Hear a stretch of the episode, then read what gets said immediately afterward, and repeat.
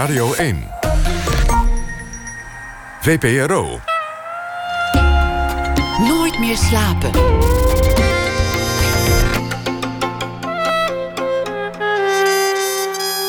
Met Pieter van der Wielen. Goedenacht en welkom bij Nooit meer slapen. Een zwarte dag voor filatelisten. De Nederlandse postzegels, die wereldwijd werden geroemd voor hun originaliteit. De man die daarvoor verantwoordelijk is, stopt per vandaag, want de Nederlandse posterijen zien er het nut niet meer zo van in. Een reportage daarover na ene. Dan ook een gesprekmuzikant, fotomodel, schrijver en kunstenaar Mick Johan. Heeft zijn eerste boek uit, Totemdier Arafat. Maar we beginnen komend uur met James Kennedy. Het is eigenlijk bedoeld voor het Engelstaalgebied, maar ook in het Nederlands verschenen. Zijn beknopte geschiedenis van Nederland. Zo heel beknopt is die ook weer niet, maar het gaat dan ook over een periode van zo'n 2000 jaar. James Kennedy, geboren in 1963 in de Verenigde Staten in Orange City, Iowa. Er zijn meerdere Orange Cities, ook in Florida.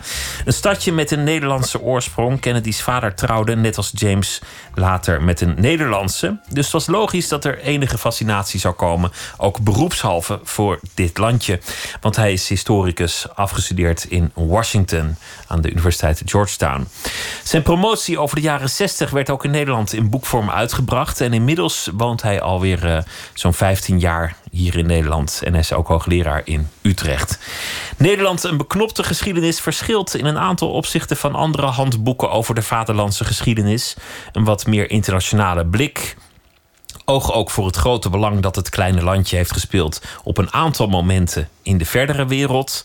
Bijvoorbeeld als uitvinder van het kapitalisme, verhandelaar van slaven of als geboortegrond van grote kunstenaars. James Kennedy, hartelijk welkom. Dank u wel. Orange City, vernoemd naar de Oranjes. Ja, zeker. In uh, 1884 hebben ze de. En dat waren inderdaad Nederlandse immigranten. die dan inderdaad in het Middenwesten verzeild zijn uh, geraakt.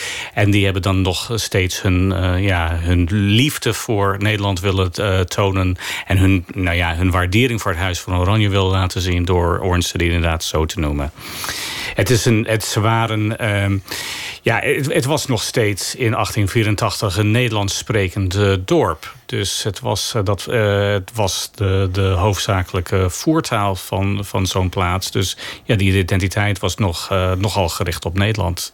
Martin Koolhof heeft net een western gemaakt. Die gaat over zo'n uh, zo'n Nederlandse gemeenschap in de Verenigde Staten. Ja. Er zijn er heel veel. Hè? Je hebt ook een dorpje Nederland en een, uh, ja. een, een, een, stadje Leiden of een, of een stadje Harlem of wat dan ook. Wat merkte jij daar nog van toen je opgroeide in, in Orange City? Nou ja, ik, ik, uh, ik heb een. mijn, je heeft het net gezegd, ik heb een Nederlandse moeder, maar die was Rotterdamse. En die is dan, nou ja, drie jaar na mijn vader hebben getrouwd, is terechtgekomen in zo'n plaats in Iowa. En ze had dan in eerste instantie helemaal niet zoveel op uh, met hen. Dus dat waren, en dat is denk ik ook wat ik heb ervaren, dat, dat waren mensen die bijna volledig geamerikaniseerd, veramerikaniseerd waren geraakt. Dus dat waren mensen die alleen maar nog enkele woorden uit het Nederlands kenden, uh, maar verder eigenlijk niet. Alleen maar de ouderen kennen nog wel wat psalmen uit het, uit het Nederlands, maar eigenlijk verder niet. En het was een, het was een plattelandsdorp. Um, dat ik, ja, natuurlijk in mijn jeugd dacht dat dat is het midden van het heelal. Maar dat, goed, dat Later bleek dat anders. Nou ja, goed. Ik zal dat nu waarschijnlijk niet meer zo ervaren, maar, maar toen de tijd wel. Ja. Iowa, streek van, uh, van mais. Ja, streek van mais en van sojabonen. Sojabonen ook, ja, dat dus, wist ik niet. Ja, dus ik heb uh, inderdaad, en dat, zo heb ik geld verdiend. En zowel de sojabonenvelden als de maisvelden. Dus uh, je moest de, je moest de mais, moest je de, de, wat, wat, de zaad helemaal bovenaan, wat heet dat? Hè? Dus uh, met al die, die moest je dan uit. Uh, het was allemaal bedoeld om, om zaad, het waren zaadplanten. Dus je moest zorgen dat niet de verkeerde zaad werd, nou ja, die, die zich zou laten ontkiemen. Dus ik moest gewoon maisplant per maisplant gewoon uh, de top afplukken en uh, weggooien. En ja, en, ik uh, deed aan walking beans, heet het. En dus dat sojabonen. Dus ik moest dan wel met gif door de, door de sojaboonvelden gaan. En zorgen dat allerlei vormen van onkruid verwijderd werden. Verder associeer ik Iowa met, met straffe wind en, en hagel en, en weer dat altijd op de loer ligt. Ja, tornado's. Dus ja, ik, heb, ik herinner wel meerdere malen in, een, uh, in de kelder moeten gaan. Um, om, uh, ja, omdat er een uh, tornado warning was. En daar moest je wel uiterst serieus nemen. Dus altijd in het zuidwesten van de kelder moet je zitten. Want het tornado ging altijd van zuidwest naar noordoost. Dus als je huis getroffen was, dan was het beter om de zuidwesthoek te zitten. Want dan zou al de. Nou ja, als je huis zou in, imploderen, dan zat het allemaal de noordoost hoek van het huis terecht, uh, of van de kelder terecht zitten. Dus je moest in zuid, in het, in zuidwesten van de kelder zitten. Het is best wel spannend. Uh, en ik heb wel inderdaad één keer buiten ook ben ik uh, wel onder een tornado geweest. Net op het moment dat de slurf naar, naar beneden kwam. Dus het was. en natuurlijk ook de, het, de plaats van blizzards. dus de grote sneeuwstormen. Dus boer, boeren in die tijd. nou ja, ik denk, nou, dat doen ze denk ik nog steeds. Als een blizzard is, dan moesten dan naar de schuur waar de, nou, waar de dieren zaten. En dan hebben ze dan een touw uh, vastgeknoopt tussen huis en schuur vooraf. Zodat ze hun weg weer terug konden vinden naar uh, het huis. Want anders zouden ze anders zouden gewoon wegens de, ja, de zero visibility helemaal niks meer kunnen zien. En natuurlijk wel het uh, buitengewoon heet in de zomer tot 40 graden toe. En, en in de winter tot min 40. Dus. Mensen worden dik in de winter en vallen weer af in de zomer. Ik vind het zo leuk aan, aan, aan interviews dat je dan iets in iemands jeugd hoort. En dan vaak heeft het een soort profetische lading van... Mm. zie je wel, daarom moest hij natuurlijk later een beroemd weerprofessor worden... of een mm. klimatoloog of, of, iets, of, een, of een maisdeskundige. Maar dat is allemaal juist niet gebeurd. Nee. Nee waarom werd het geschiedenis? Nou ja, hoewel ik moet zeggen van meteorologie is uh, altijd een beroep uh, dat ik had eigenlijk willen uh, studeren. Dus, dus in die zin heb ik wel altijd een klein beetje spijt dat ik die kant niet op ben gegaan. Um, waarom werd het wel geschiedenis? Mijn ouders waren op hun eigen manier beide historici. Eén deed het wel meer in zeg maar, de kerkgeschiedenis. En mijn vader en mijn moeder dat in de kunstgeschiedenis. dus, dus je zou dus zeggen, je bent, ik was opgegroeid in, met historisch besef. En, en mijn jongere broer, die is dan eigenlijk een beetje de zwarte schaap van de familie geworden. Omdat hij dan literatuur ging studeren. Dus het was een... Um, uh, toch, wel, ja, een toch wel geschiedkundige of historisch gerichte familie. En we hebben daar wel vaak uh, over gehad. Dus ik heb er altijd, ik heb er altijd een passie uh, voor gehad.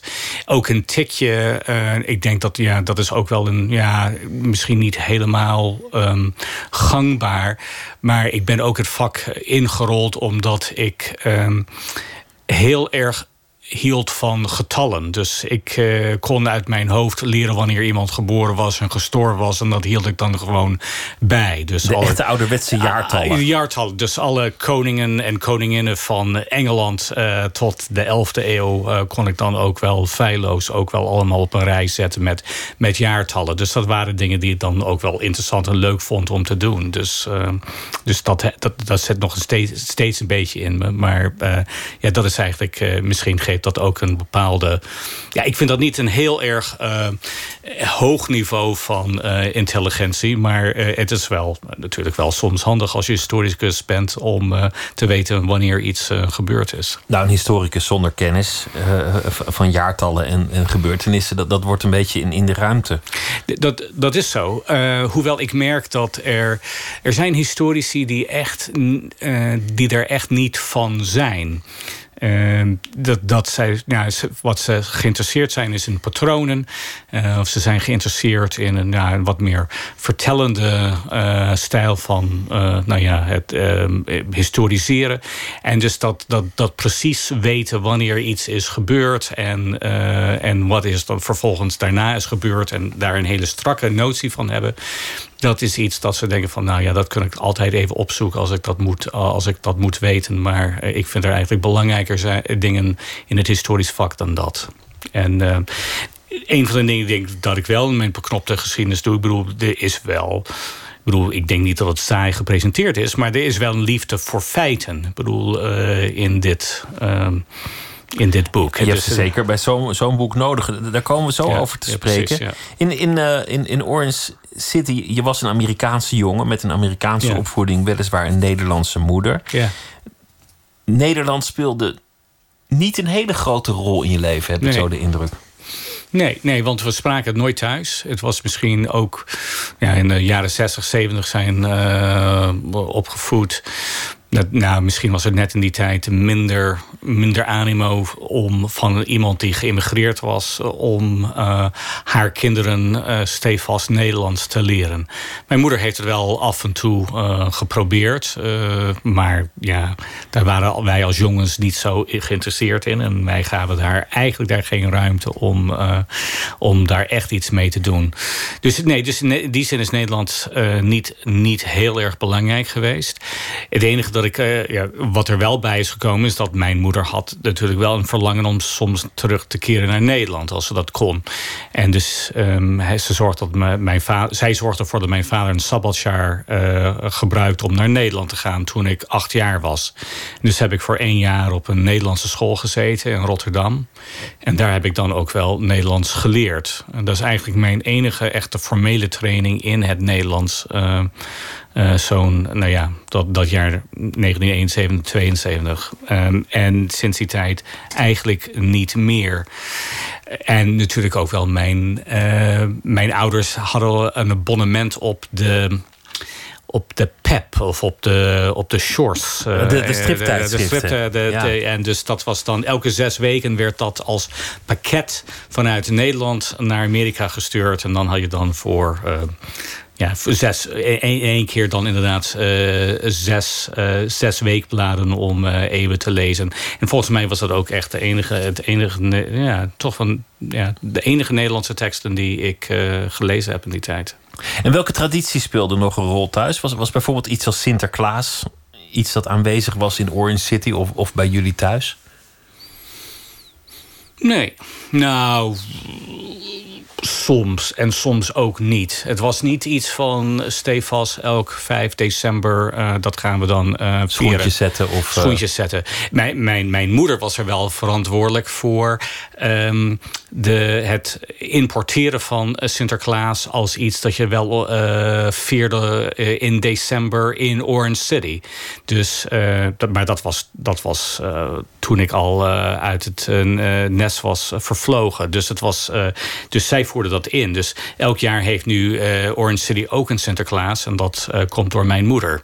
Uh, mijn moeder dacht ook oorspronkelijk ook om Zwarte Piet ook te, te, importeren. Maar dat was zelfs in het hele witte traditionele Orange City een brug te ver. En dus de Zwarte Pieten werden onmiddellijk, voordat de traditie van start ging, omgedoopt naar witte Pieten. In de Amerikaanse verhoudingen is, dat, is dat wellicht verstandiger ja. ook. Je ging studeren in, in Washington, Georgetown. En op een zeker ogenblik moet je dan een onderwerp kiezen. Nou, ja. De geschiedenis is lang en groot en veelzijdig. Vele onderwerpen. Na een paar omwegen en, en verkenningen werd het toch Nederland. Ja, en dan en dat was terug in Iowa dat ik dat uh, deed. Dus ik heb inderdaad in Washington gestudeerd en later dan in Iowa gepromoveerd. Het is inderdaad, ik had een uh. Dat was iemand die uh, echt gespecialiseerd was in de Duitse geschiedenis. En ik zou ook wel Duitse geschiedenis hebben gekozen. Ook voor een proefschrift. En hij zei van, ja, kijk, jij, jij spreekt wat Nederlands. Nederland is een onderbelicht land. En het is een interessant land. En misschien moet je je voordeel daarmee doen. Dus hij Juist dat niemand het echt kent in Amerika. Precies. Ja. Is en dat, het voordeel. Ja, precies. Dat dacht hij. Dat was voor uh, later voor het vinden van banen iets moeilijker. Uh, maar, want er waren in die tijd in ieder geval heel veel banen in de Duitse geschiedenis, maar niet zo heel veel, nou eigenlijk geen banen uh, in de Nederlandse geschiedenis. Uh, maar het was, ja, maar natuurlijk had hij dan gelijk dat mijn in ja, in vergelijking lag mijn kansen beter in Nederland. En ik kon mijn ja, ik kon mijn kennis van Nederland uh, en uh, ook wel ja, ook van de taal, dat kon ik dan ook wel goed gebruiken. En uh, op een opvallende manier dan nog weer de zoveelste Amerikaanse historicus die zich op het moderne Duitsland richtte. Dus, dus in die zin was het een goede keuze. Ik, ik meen het hier en daar te lezen in het, in het boek Een beknopte geschiedenis van Nederland. Uh, dat het toch voor een Engelstalig publiek is, voor, voor een Amerikaans publiek misschien wel. Ja. Af en toe even onderstrepen: het is dan maar een klein landje. Maar dit is wel belangrijk geweest voor de rest van de wereld. Ja, Ja. Dit is wel interessant om te lezen. Dit zouden jullie eigenlijk wel even tot je moeten nemen. Ja, ja eigenlijk wel. Dat zit er wel in. Het zit er wel. Natuurlijk wil je ook laten zien dat er uh, bepaalde specifieke verbanden uh, zijn. Ik bedoel, uh, een voorbeeld daarvan is bijvoorbeeld de betekenis van Sint Eustatius.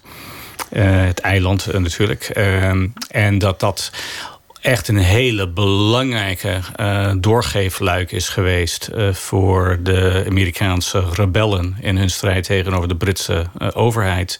En natuurlijk de uiteindelijk uitmondende onafhankelijkheid van de Verenigde Staten. Nou ja, zonder zo'n nou ja, zo'n doorgeefluik die eigenlijk de Britten wilden voorkomen, dat zou de vraag hebben, ja, is de vraag hoe dan de Amerikanen aan hun ammunitie waren gekomen. Dus, dus in die zin eh, speelt het wel een rol. er zijn natuurlijk een aantal andere zaken. Dat wil ik ook wel, uh, waar, waar gepast, wil ik dat wel uh, even, uh, even naar wijzen. Ja. Het, het, belang van Nederland voor de, voor de slavenhandel is een, is een hoofdstuk waar in, in Nederlandse handboeken gelukkig steeds minder, maar nog wel eens overheen wordt gestapt. Ja. Vaak is het van, oh, slavenhandel. Ja. Hier wordt, wordt er vrij uitvoerig bij stilgestaan. Wat precies die rol was en waarom dat, dat belangrijk was. Ja, en deels heeft dat te maken ook wel. Um, ja, natuurlijk is dat een, een thema die zegt dat een anglo-saxische wereld uh, belangrijk is. Dus dan, ja, ik kom uit die wereld, dus dan denk ik ook dat het belangrijk is. Maar er is, ook een andere reden uh, waarom ik daar wel uh, aandacht aan geef. En um, mijn opdracht, want dit is natuurlijk vooral bedoeld voor, nou ja de, Engelse uh, variatie in Cambridge University Press. En de eis van Cambridge University Press is... Nou, je een geschiedenis van het ter territorium van Nederland zoals het nu is. Dus, uh, nou ja, wat is het Koninkrijk der Nederlanden? Dus wat ik uh, heel bewust doe, is ik probeer naast de geschiedenis van Nederland hier ook wel, ook wel de Nederlanden daar mee te nemen in mijn geschiedenis. Dus die zes eilanden van het Caribisch gebied uh, zijn verweven in deze tekst. En omdat de slavernij daar uiteraard, of op de meeste eilanden, daar belangrijk is geweest, dan is het ook wel belangrijk in mijn verhaal. Dus, dus ik denk van ja, als je het wil hebben over Curaçao of over Aruba andere eilanden, dan ja, dat is wel goed dat je dan ook wel de patroon van de slavernij volgt. Moet je, moet je dan, dan noemen. Um, terug, terug naar die promotie. Het werd Nederland in de jaren zestig. De blik van een buitenstaander, mm toch nog steeds. Hier ging vaak de aandacht uh, uit naar, naar de provo's, de hippies, de rebellen. In jouw boek ging het veel meer over de mensen die het allemaal lieten gebeuren. Namelijk mm -hmm. de autoriteiten die niet, zoals in Frankrijk, met traangas gingen schieten. Niet zoals in de Verenigde Staten het leger erop afstuurde. Maar die eigenlijk heel mild, meegaand en pragmatisch omgingen met, mhm. met die protestbeweging.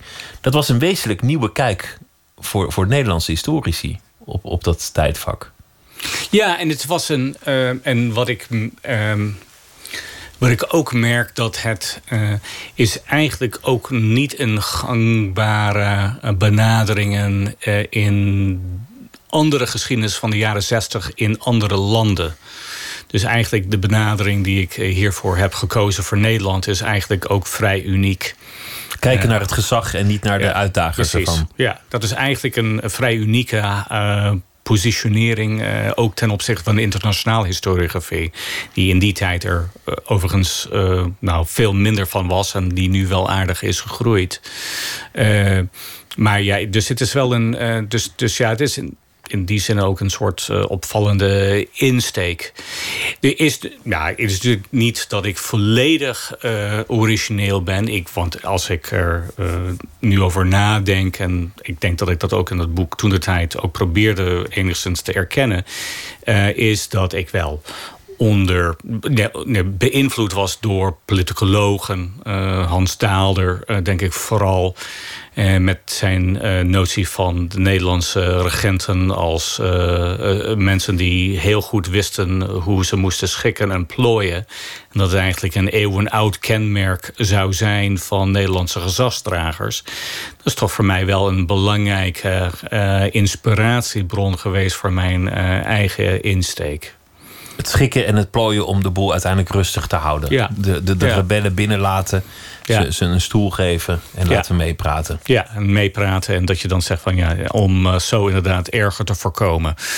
Eh, dus nee, dus dat is wel eh, belangrijk. Ik, ik plaatste daar wel mijn eigen accent, accenten. En een van die, ook over de jaren 50 en jaren 60, was echt dat. ehm, er was ook heel, heel iets specifieks aan de hand in Nederland in die tijd. En dat was dan eigenlijk ehm, de, de moderniteit, de modernisering van Nederland. En dat eh, je ziet dat dan in de teksten die dan gelezen wordt, dat men echt heel erg onder de indruk is van zo'n modernisering. Dus eh, modernisering kreeg een soort onvermijdelijkheid in, eh, in, het, in het besef van deze gezagsdragers, van deze elites. En daar praten ze dan ook zo over. Dus het is ook wel in die zin niet alleen maar een verwijzing naar een soort eeuwenoude uh, regententraditie van schikken en plooien, maar ook wel uh, ook bepaalde ervaring die zij hadden in de jaren 50 en met name de jaren 60 uh, over de modernisering van Nederland. En ja, dat kon je toch wel niet tegenhouden. De onzekerheid die, die toenam bij de, bij, bij de gezagsdragers. Iets wat je ook beschrijft wanneer het gaat over Pim Fortuyn. Hoe mm -hmm. de zittende macht zich ook wel heel erg laat uitdagen. En ook wel ineens heel, heel weinig zelfvertrouwen heeft ja. over waar ze eigenlijk voor staan. Ja, ja en ik zou uh, precies met de.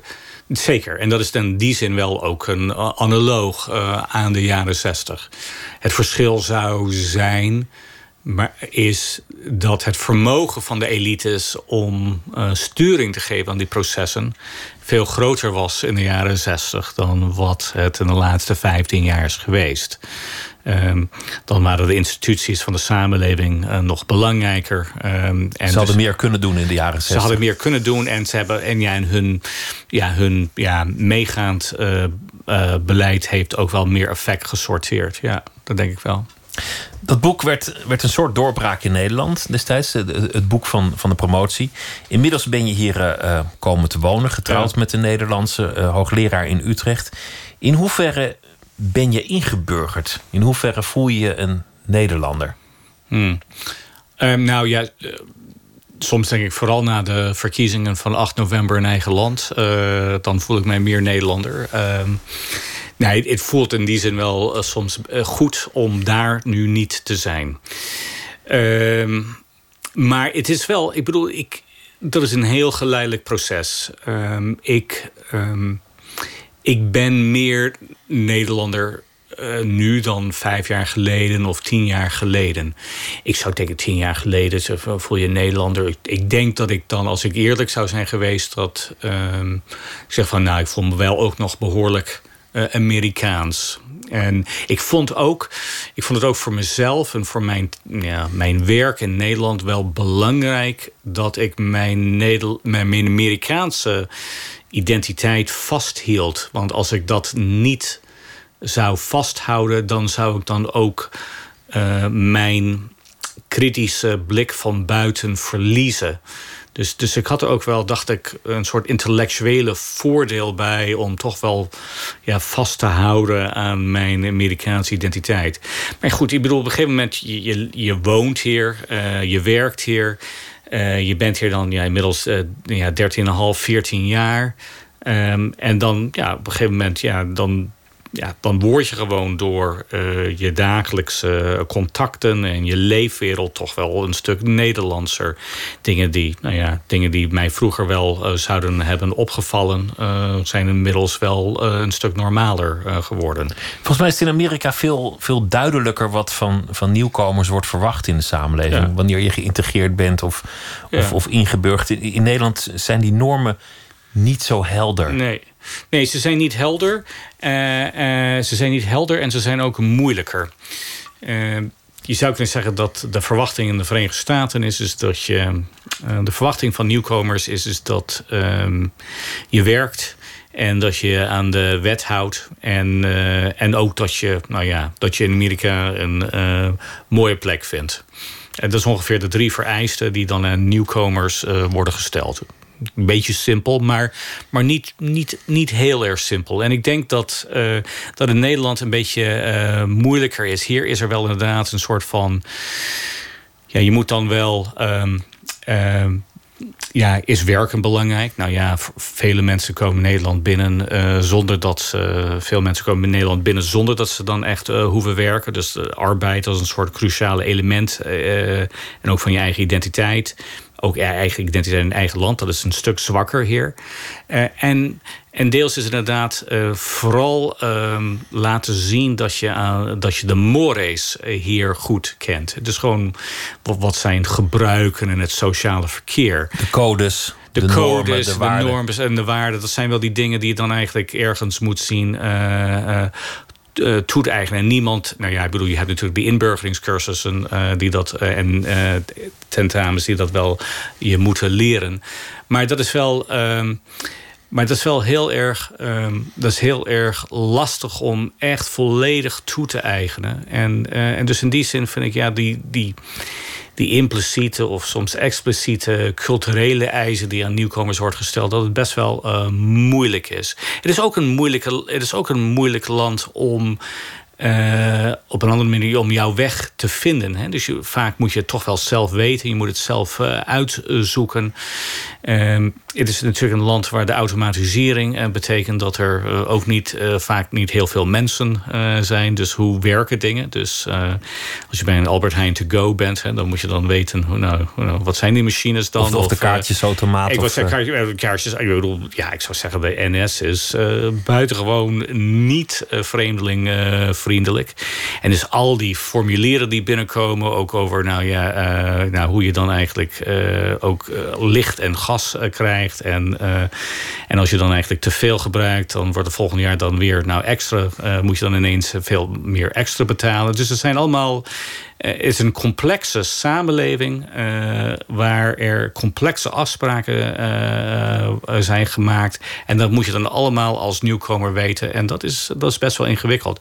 Ik moet zeggen dat ik heel veel ellende ben gespaard omdat ik een Nederlandse vrouw heb die dit wel nou ja, goed aanvoelde of intuïtief wist uh, hoe dat eigenlijk allemaal zat met uh, al de correspondentie die binnenkwam en hoe je dan eigenlijk dingen moest ordenen.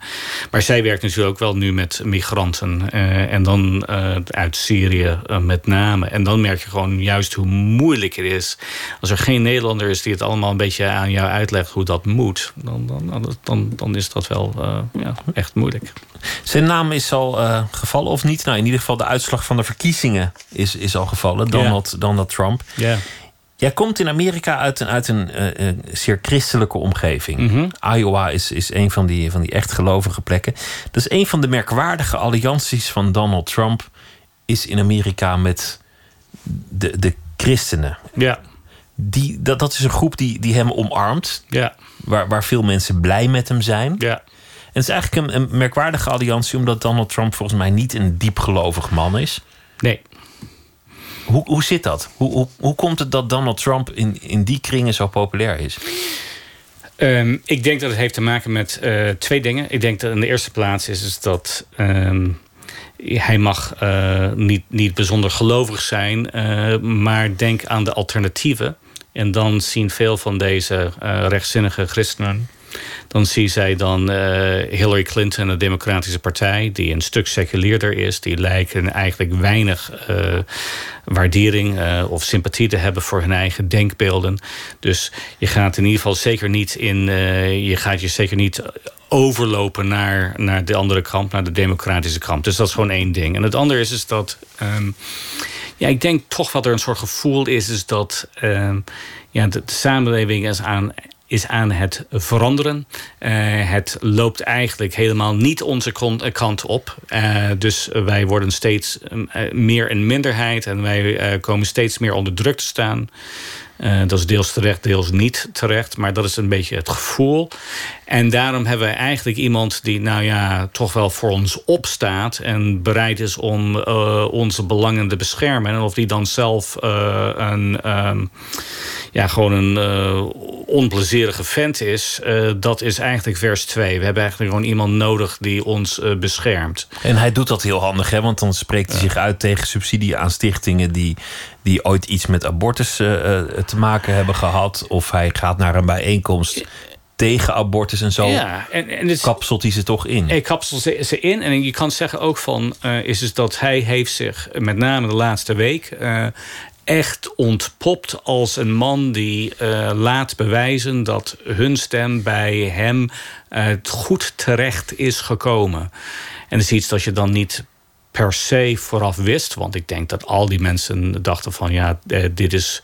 En met Donald Trump weet je het niet zeker wat je daar krijgt. Dus het is eigenlijk met hoop op zegen dat je op hem stemt. Maar als je ziet wat hij nu doet, hè, dus hij wil dan eigenlijk ook wel. Hij heeft nu een, ook een, uh, een bekwame en ook erg vrome conservatieve rechter gekozen als zijn kandidaat. Nou, je zou zeggen, dat alleen al is bewijs van, de, van deze Trump-kiezer dat ze ook juist gekozen hebben. Waar voor hun, uh, voor hun stem? Ja, ja, waar voor hun stem. En die zouden zeggen, ja, dat hebben ze nu al. Dus twee weken binnen zijn presidentschap uh, heeft, uh, heeft hij al hen bewezen dat, uh, dat ze goed hebben gekozen. Jouw eigen omgeving was zeer christelijk. Zo ben je ook zelf opgevoed. Mm -hmm. En, en je bent ook zelf gelovig. Ja. Jou, jouw vrouw zit in de Nederlandse politiek voor de ChristenUnie. Ja. Ook. Uh, je hebt jezelf wel eens omschreven als een christelijk historicus. Ja. Wat, wat is dat? Ja, ik zou het niet weten. Ik bedoel, in de zin van. Um, ja, ik denk dat. Um,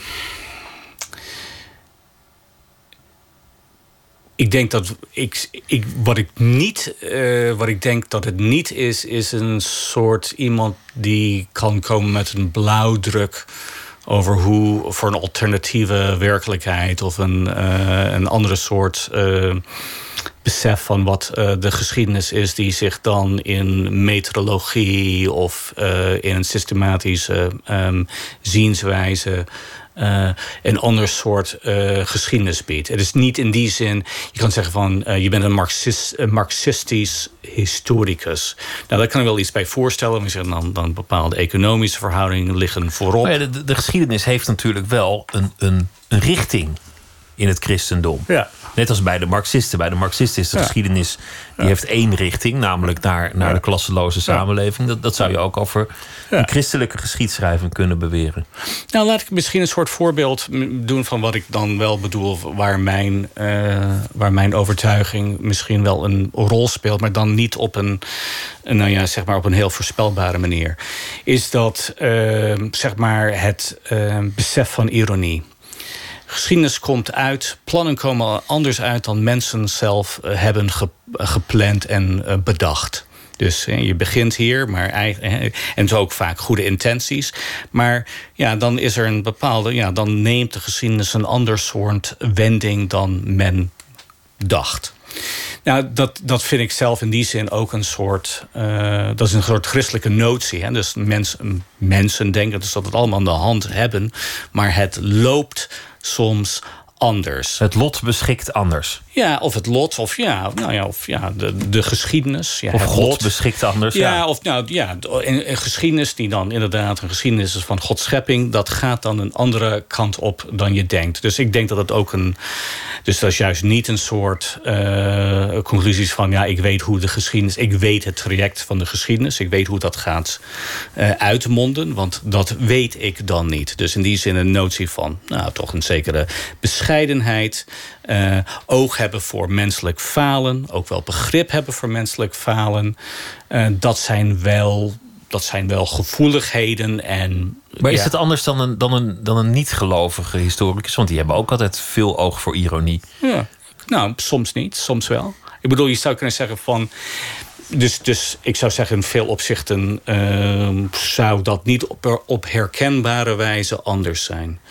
Misschien dat er wel ergens, en ik zeg van dat er uh, uiteindelijk ook uit de ironie komt er misschien ook comedy. Hè, die zegt van dat. Uh, dat soms ook we, dus soms wij ook wel um, terechtkomen in positieve wijze op een manier dan wij ook niet uh, hebben bedacht of hebben kunnen bedenken. En dat dat ook wel misschien tekens is van een vorm van barmhartigheid of, of genade, dat je dan misschien wel. Um, uh, af en toe ziet in, in de geschiedenis. Dus, dus in die zin is het niet alleen maar een soort zwartgallige ironie, maar ook wel oog hebben voor je dat het soms wel uh, ten goede uh, uitkomt op een manier dat mensen niet hebben gezien. Een besef van nederigheid van het menselijk handelen. Dat het menselijk handelen niet datgene is dat uiteindelijk de geschiedenis bepaalt.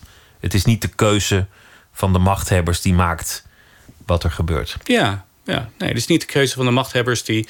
Ja, ik bedoel, ja, het heeft wel impact en het heeft wel effecten. Uh, maar ja, de hoe dat dan uiteindelijk uh, uh, loopt, inderdaad, uh, is iets dat, ja, dat anders is. En daar heb ik wel inderdaad oog voor. Ik ben, ik ben geïnteresseerd in, in paradoxen of in hoe mensen denken iets te kunnen hebben bereikt. dat wel en dat ook niet bereikt hebben. En dat, dat is wat ik spannend vind. Dus een van de dingen die ik. Um, ik kies nooit onderwerpen waar ik denk van. Uh, het, uh, het is duidelijk wie de goede en de slechte uh, mensen zijn.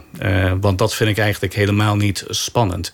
Ik vind eigenlijk ja, dat ja, de complexiteit daarvan en dat ja, inderdaad de een gevoel voor ja, de ironische dimensies van de geschiedenis. Dat is iets dat, um, dat ik altijd ergens wil meenemen in mijn narratief.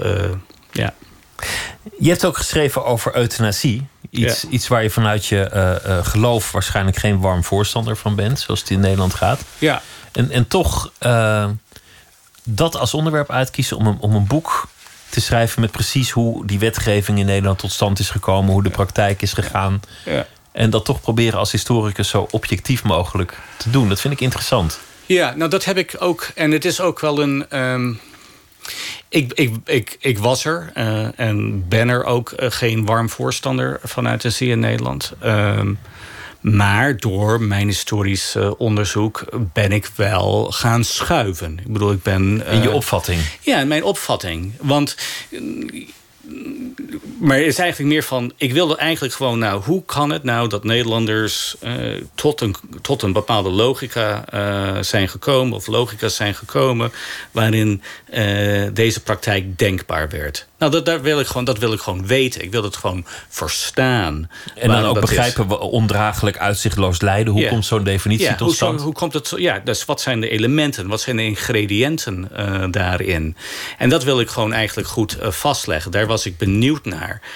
Nou ja, dan als je dat leest en je dat doet... nou ja, je, kijk, er zijn natuurlijk wel bepaalde denkbeelden... En overtuigingen die je nahoudt. Uh, en dat is prima en dat is goed. En daar, daar heb ik uh, denk van... ja, we zijn ook allemaal mensen die ergens staan. Maar het is wel...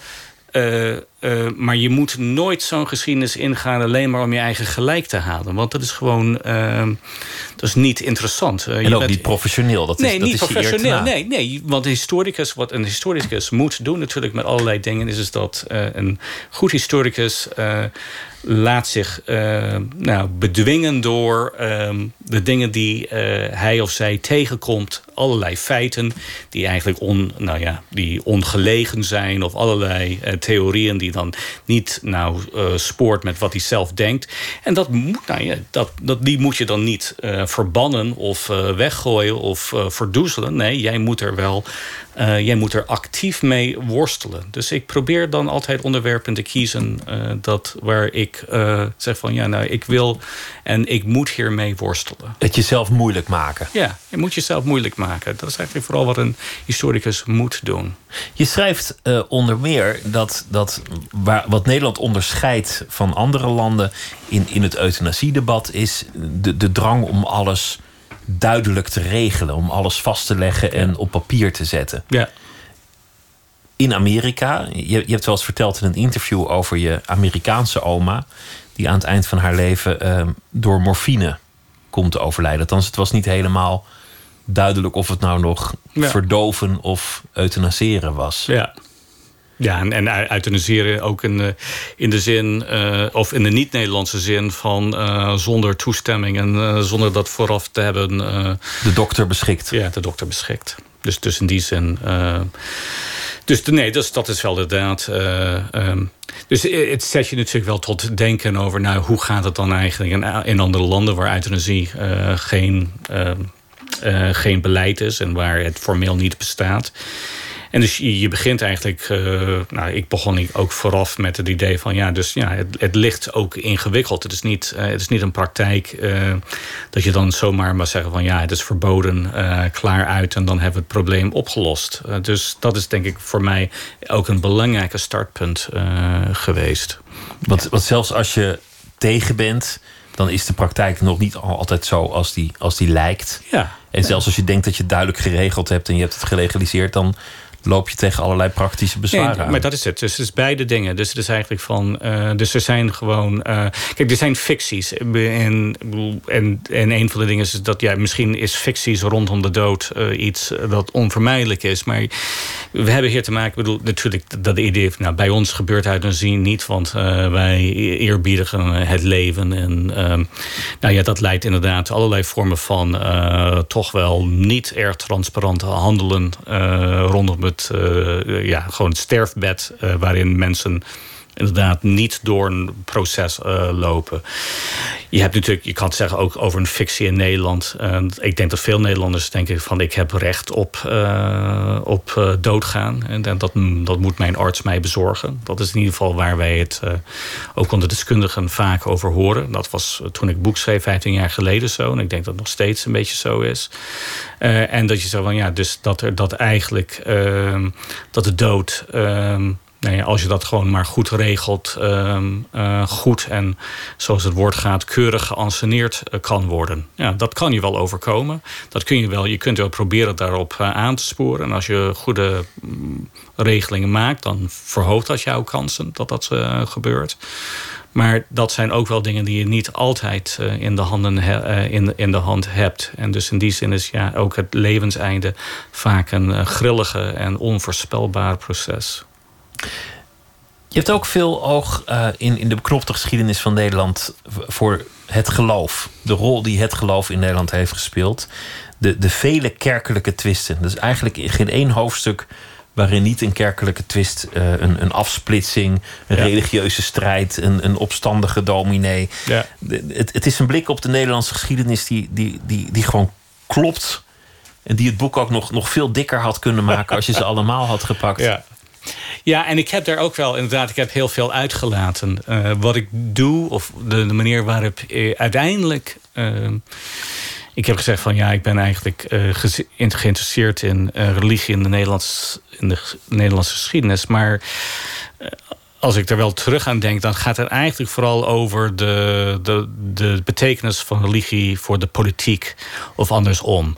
Dus wat mensen dan uh, in hun privéleven hebben geloofd, of hoe dat nou eigenlijk zat met de rituelen in de kerk of zo. Daar, daar besteed ik eigenlijk betrekkelijk weinig uh, aandacht aan. Maar als ik denk van ja, maar dit heeft te maken met uh, hoe de Nederlandse politiek in elkaar steekt dan besteed ik ook wel aandacht aan religieuze twisten. En dan blijkt het wel degelijk een, een, een enorme motor achter de, de staatsvorming van ja, Nederland. Absoluut. Absoluut. Dus dat is heel belangrijk. En het is ook wel een soort van. Ja, dus ja, dat is ook wel uh, zo. Dus uh, ik volg niet alle, bijvoorbeeld alle gereformeerde twisten. Maar ja, de doliantie en wat daar gebeurt. Dat is in 1886 met Abraham Kuyper ja, de hele Kuiperiaanse beweging is wel belangrijk... ook voor de inrichting van de moderne Nederlandse samenleving. Hè? Dus in de politiek, in de maatschappij. Dus dan volg ik het. Uh, of als je dan eigenlijk ook wil weten... Uh, nou ja, ik bedoel, een van de dingen die natuurlijk heel erg belangrijk is geweest in Nederland is toch wel um, ja, dat dit wel een protestants dominant, dominant land is geweest. Dat is eigenlijk twee derde van de Nederlandse bevolking op een gegeven moment was, was protestants. En dan heb je een aanzienlijke katholieke minderheid. En de notie ja, dat de katholieken toch wel uh, ergens hun plek moet kennen. en dat heeft ook wel op tal van terreinen in meerdere periodes echt zijn stempel gelaten op de Nederlandse politiek. Ja.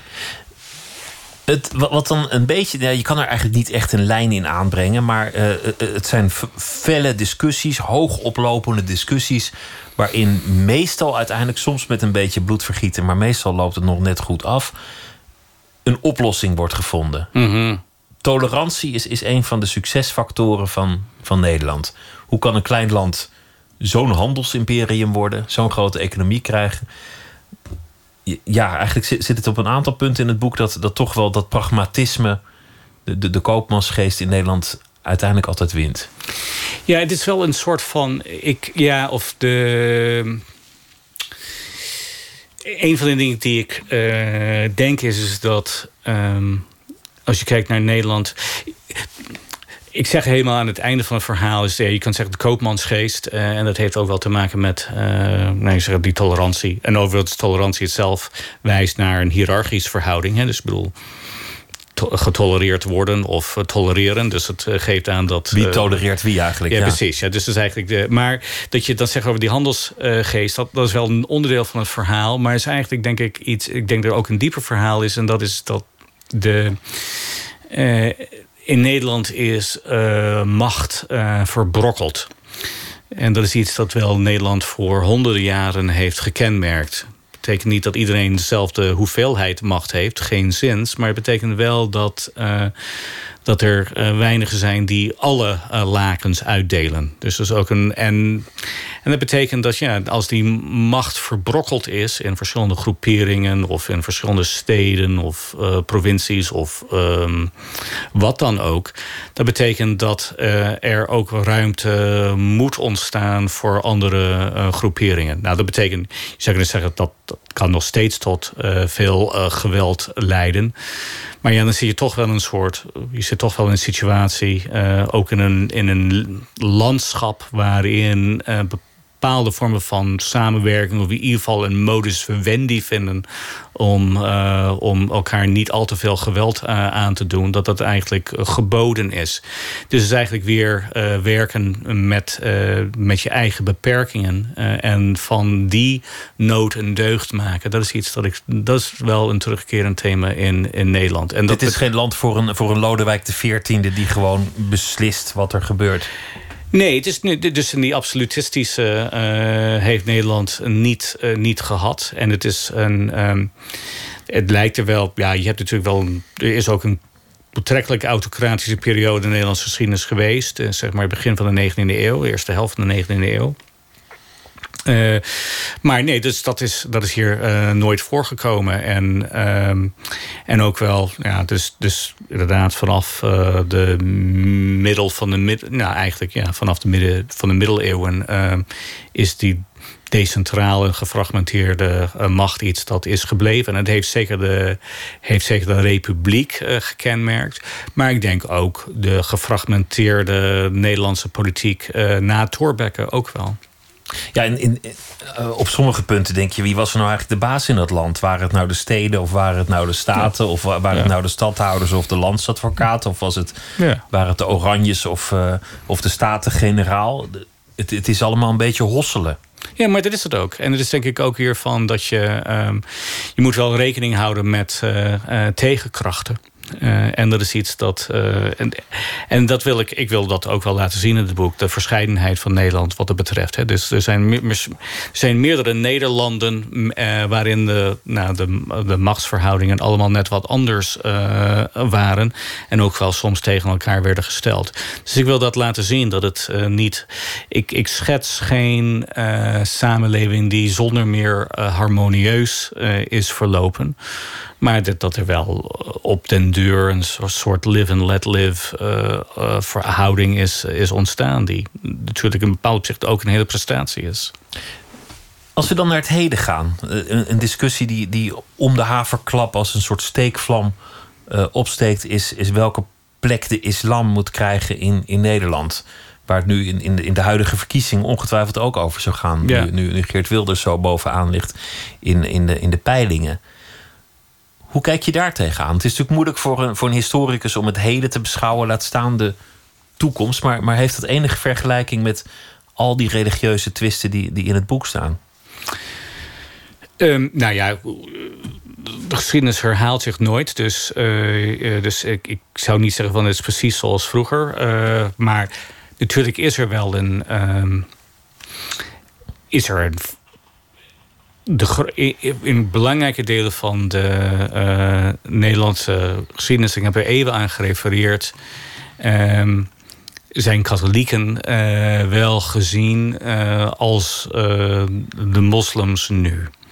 En dat heeft te maken, nou, dat was ook een.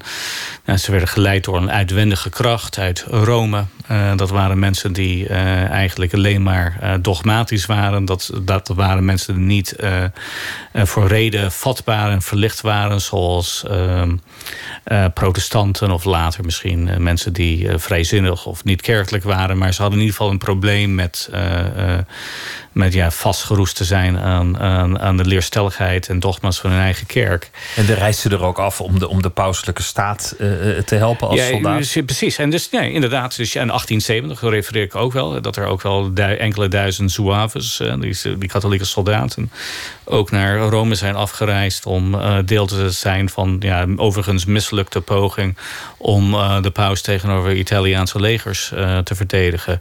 Dus en dat is natuurlijk wel, je denkt van ja, nou dat zijn katholieken die. Uh, dat, dat is een, ook een gevaar voor, voor de vrijheden van de Nederlandse samenleving. Dat werd heel vaak in, de, in de 19e eeuw gezegd en ook tot diep in de 20e eeuw. Dus, dus in die zin is er wel een. is er wel een houding nu is er wel eigenlijk hier een soort van secular majority. af en toe joods-christelijk, maar vooral we bepaalde joods-christelijke of seculiere waarden. En, uh, en dat is dan eigenlijk uh, wat Nederland groot gemaakt. Dat is eigenlijk vooral wat Nederland vrij maakt en vrij houdt. En dan hebben we te maken met uh, deze eigenlijk niet tot Nederland behorende ideologie of religie die dat allemaal bedreigt. Dus, dus in die zin is het een herkenbaar patroon uit het verleden. Een herkenbare manier van spreken en, en, en er tegenaan kijken. Ja. We hebben het gehad over, over, over Donald Trump. Het, het onvoorstelbare. Eh, want, want iedereen zei, ah, die haalt het toch niet. En uh, hij, hij, mhm. krijgt de kandidatuur niet. En daarna zeiden ze, nou, hij valt binnenkort wel af. Hij valt door de mond. Hij is nu president. Ja. Uh, ik, ik neem aan dat je dat enorm gevolgd hebt. En dan ben ik ook benieuwd hoe je nu aankijkt tegen de, de Nederlandse verkiezingen. Nou, een van de dingen die ik um, denk is dat er is een soort. Soms nu, en uh, is er een neiging om te denken van Donald Trump is een beetje het beginpunt van, van uh, wat er nu komen zal. En dus dan, nou, wat voor effect heeft Donald Trump op de Nederlandse verkiezingen of op de, Europese, en, Duitse en de. En ik denk een van de dingen is, is dat uh, Trump is een uh, betrekkelijke laatkomer in verschijnsel waar we het uh, over hebben. Een hele belangrijke, het belangrijkste, maar, maar wel een late. Dus ik zou zeggen van uh, ja, Geert Wilders of Le Pen. Uh, dat zijn allemaal figuren die uh, al uh, Trump avant le lettre zijn geweest. Dus, dus je zou dus zeggen van ja, het, het fenomeen Trump en ook wat hij heeft, dat is eigenlijk eerder zichtbaar geweest in Europa dan in de Verenigde Staten. Dus, in die zin uh, zijn deze verkiezingen ook een soort voortzetting uh, van een ouder uh, verschijnsel en van een ouder, ja, als, als je het wil, een probleem. dan de verkiezingen van, van Donald Trump in, in de VS. Dus, dat is, dus, dat, dus ik wil even. Ik bedoel, dus het is niet. Ehm, dat ik je moet niet naar Amerika kijken voor nee, dat, dat, dat, dat het eigenlijk vooral, ja, dat, dat, dat eigenlijk vooral uh, het is, uh, de Donald Trump het beginpunt is. Dat denk ik gewoon dat dat uh, verkeerd is. Maar natuurlijk, ik bedoel, het is, het is zo dat, um, dat de, de, overwinning van Donald Trump een belangrijke um, um, aanmoedigende effect heeft op mensen die met hem identificeren in Europa. En, en dat ze denken van ja, als het daar kan, dan kan het ook hier. Dus het heeft ook wel het gevoel gegeven van een bepaalde nou, zelfbewustzijn. En natuurlijk lijkt er ook op, ik bedoel, dat is, daar is hij nog steeds betrekkelijk terughoudend in geweest. Maar dat kan nog komen. Maar het lijkt erop dat ook uh, Donald Trump lijkt waardering te hebben voor deze alternatieve Europa. Van mensen die ook wel de EU helemaal niks vinden. Uh, en, en dat hij ook wel in die zin graag ook um, ja, een alliantie met hen smeet. Dat is natuurlijk wel denkbaar. Hoewel dat, die verder niet zoveel met Europa to, vooralsnog te maken wil hebben. Nee, hij, is, nee hij, hij vindt ook hij vindt Europa niet. Um, is niet zo heel erg uh, interessant. Maar ik, denk dat hij, uh, maar ik denk dat hij wel vindt. En dat is natuurlijk iets dat hij wel deelt met uh, al de mensen waar we het over hebben gehad. En dat is dus dat elk land. Elk land is beter af als het aan eigen nationaal belang denkt en zich niet laat ondermijnen met internationale verbanden. Dus ik denk dat hij wel zal gaan resoneren in toenemende mate met alle politici die dan zeggen van ja, voor mij gaat het om onze natie en het behoud van onze natie uh, tegenover de internationale elites en machten die uh, ons uh, eigenlijk willen beknechten. Dus dat is denk ik iets dat, dus dat is iets dat ik wel verwacht van hem. Dit boek, Beknopte geschiedenis van Nederland, 2000 jaar, ook, ook buiten de periodes waarin je zelf heel erg thuis was. Ik, ik denk dat hier jaren werk in zijn gaan zitten. Dit, dit is een, een, enorm, enorm karwei geweest, naar, naar ik aanneem. Ja, het is, ik bedoel, het is een. Um, uiteindelijk is het denk ik, ja, het is 400, nou, het is 380 pagina's tekst of zo. Dus het is een. Um, dus deels van die tijd ligt niet alleen maar in uh, schrijven, schrijven, schrijven, maar eigenlijk vooral uh, heel veel weglaten. Um, en dat, dat neemt tijd om over na te denken. Als het gaat over periodes van echt actief schrijven, dan denk ik van, nou, dus ik heb een paar, eh, toch wel een paar sabbaticals kunnen gebruiken om dit te doen.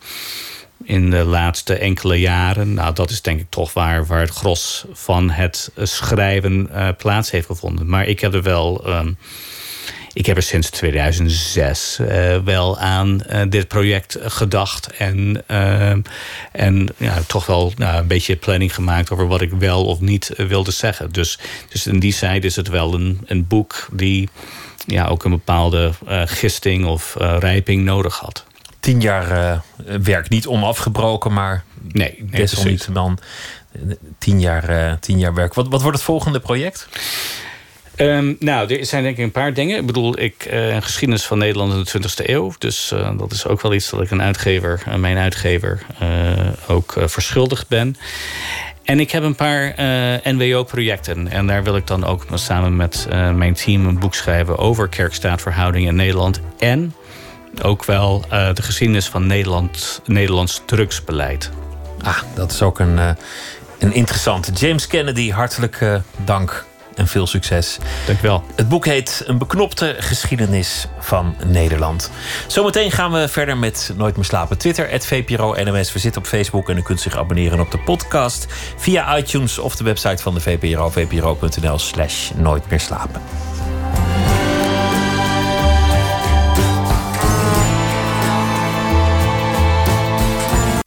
1 uur, Clemens Peters met het NOS Journaal.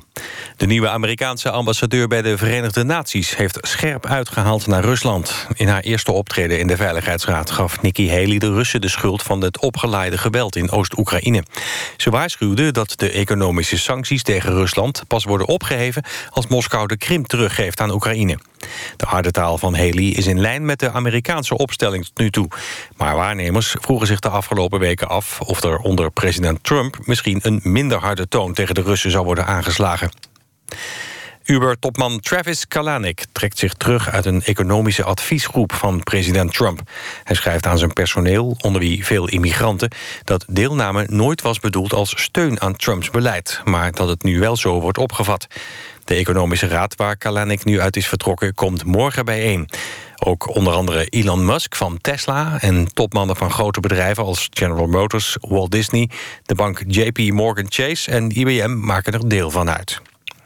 In Enschede is vanavond een man in brand gestoken in een kapperszaak. RTV Oost schrijft dat een onbekende een vloeistof over hem heen goot en in brand stak. Het slachtoffer is met brandwonden naar het ziekenhuis gebracht. De dader droeg een bivakmuts. Hij is voortvluchtig. Wetenschappers hebben bij de Azoren het wrak van een Duitse onderzeeër uit de Tweede Wereldoorlog gevonden. Het schip lag op een diepte van bijna 900 meter. De vondst werd al in september gedaan, maar is nu pas bekendgemaakt. Morgen is het 75 jaar geleden dat de U-boot verging. De kapitein bracht hem zelf tot zinken... nadat de onderzeeër in een gevecht met de Britse marine beschadigd was geraakt. Van de 46 opvarenden werden er vier gedood... toen de Britten door een misverstand een bom in het water gooiden. Het weer. Vanuit het westen trekt regen over het land. Vannacht wordt het wel weer droog. Minima vannacht rond 6 graden. Morgen schijnt af en toe de zon en dan wordt het ongeveer 10 graden. Dit was het NOS Journaal. NPO Radio 1. VPRO. Nooit meer slapen.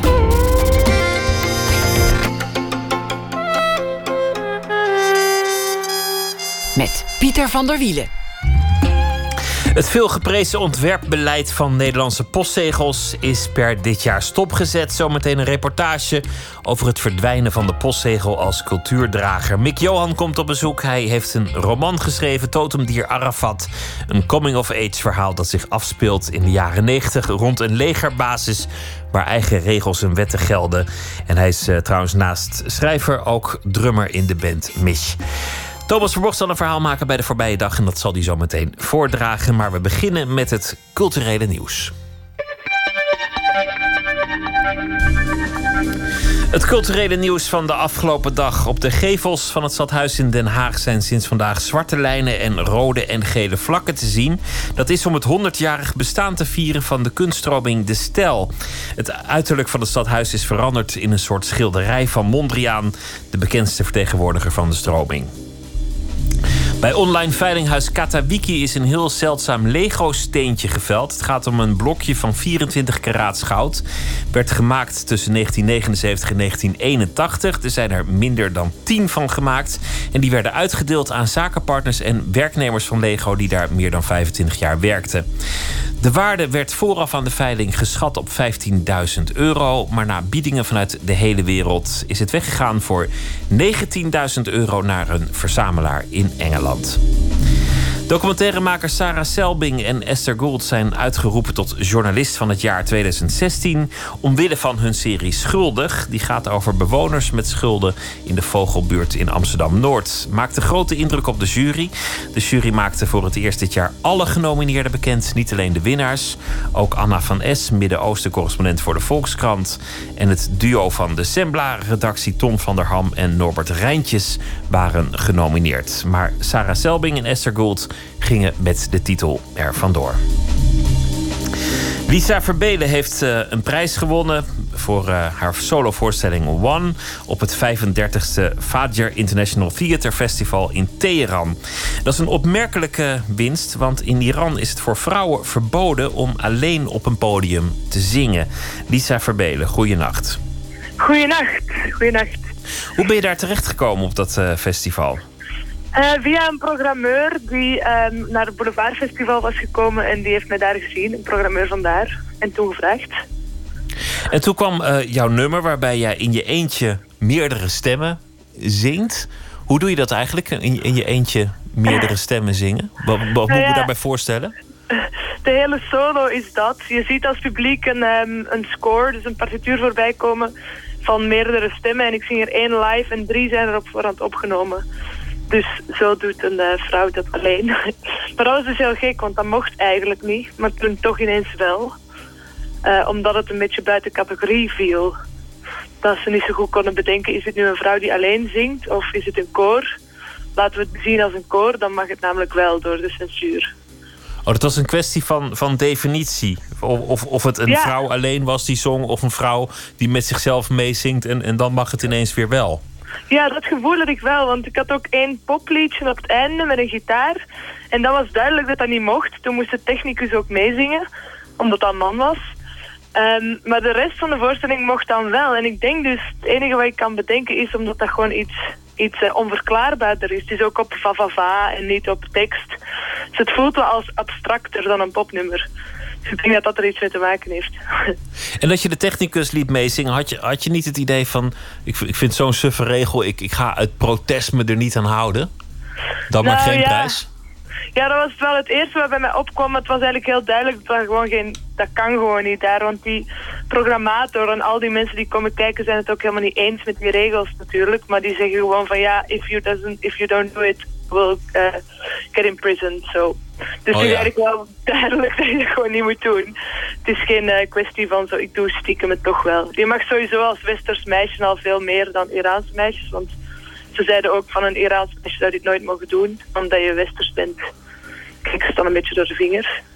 Ja, ja. Nou ja, het, is een beetje een suffe regeltje natuurlijk. Maar uh, suffe regeltjes worden eveneens altijd fanatiek nageleefd natuurlijk. Ja, je hebt gewoon niet zoveel keus daar als Iraniër zijnde. Het is niet zozeer een gebrek aan um, ja, willen tegenstrijdig zijn of zo. Maar eerder gewoon merken van dat is al zoveel jaar zo. En dat, mensen zijn daar ook gewend. Het is eigenlijk veel minder uh, zielig dan dat ik op voorhand dacht. En het heeft je niet de, de, de lust naar die prijs doen afnemen. Je, je, had nog steeds zin om die prijs te winnen en je bent er ook heel blij mee. Je dacht niet van joh, laat lekker zitten. Nee, tuurlijk niet, want de mensen zijn daar super vriendelijk en, um, en het ook helemaal niet eens met die regels. Dus je zit eigenlijk samen um, vast in een systeem, maar je bent niet aan het vechten tegen de mensen in de zaal. Die mensen zijn super blij dat je daar komt spelen en moeten lachen met de censuur. Dus dat zijn ook de, de grappen die het beste werkten daar. Uh, zo de dingen die dus niet mochten. Nee, dus je bent wel echt zo samen met die een front tegen hun eigen regering. En niet zozeer ik als Westerling ben het niet eens met jullie gedachtegoed. Zo. wat, wat, gaat het je, wat gaat het je brengen? Want, want nu heb je best een, een belangrijke prijs daar gewonnen. Komt er mhm. iets uit voort, denk je? Een, een tournee ter plekke? Um, dat weet ik niet. Het is, het is moeilijk in te schatten hoe uh, theater zich daar buiten de festivals um, voordoet. Um, ik zou super graag teruggaan en wie weet dat dat door die prijs wel vermakkelijkt wordt. Of naar andere plekken, want er komen heel veel internationale mensen naar die festivals. Dus dat hoop ik een beetje, maar verder weet ik het niet. Ik had ook helemaal niet verwacht dat ik het ging winnen. Ik was ook al terug in Nederland en ik kreeg ineens een sms van... Volgens mij heb je iets gewonnen, maar we verstaan het niet helemaal. Nou, proficiat met, uh, met de prijs. En een hele goede nacht. En uh, tot ziens, Lisa Verbelen. Dankjewel. Ja, dankjewel. Ciao.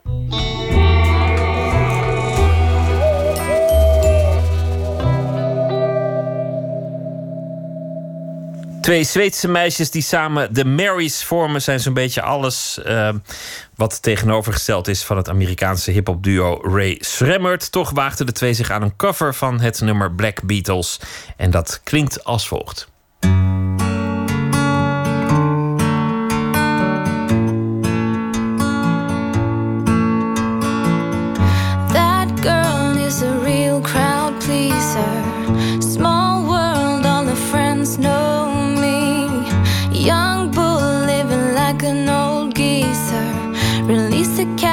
Watch it fall slowly. Frat girls still trying to get even. Haters mad for whatever reason. Smoke in the air, binge drinking. They lose it when the DJ drops a needle. I'm a black beetle, cream seats in the regal. Rocking John Lennon lenses, like to see them spread eagle. Took a girl to the club and let her party on the table, screaming, Everybody's famous. Like clockwork, I blow it all and get some more. Get you somebody that can do both. Black Beatles got the babes belly rolling. She thinks she loves me, I think she trolling. That girl is a real crowd pleaser. Small world, all her friends know me. Young bull living like an old geezer. Release the cash, watch it fall slowly. Frat girl still trying to get even. Haters mad for whatever reason smoke in the air, DJ drops a needle.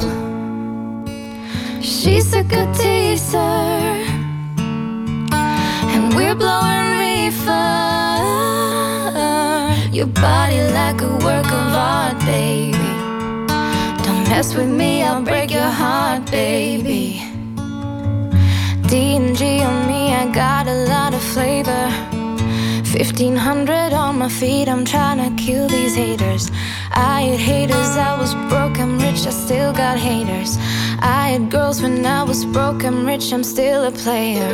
I wear leather Gucci jackets like it's still the 80s. I've been blowing OG Kush, I feel a bit sedated. I can't worry about a broke boy or a hater. Black Beetle, me and Paul McCartney related. That girl is a real crowd pleaser. Small know me. Young living like an old geezer. Release the cash, watch it fall slowly. Frat still trying to get even. Haters mad for whatever reason. Smoke in the air, binge drinking. They lose it when the DJ drops the needle. Getting so cold,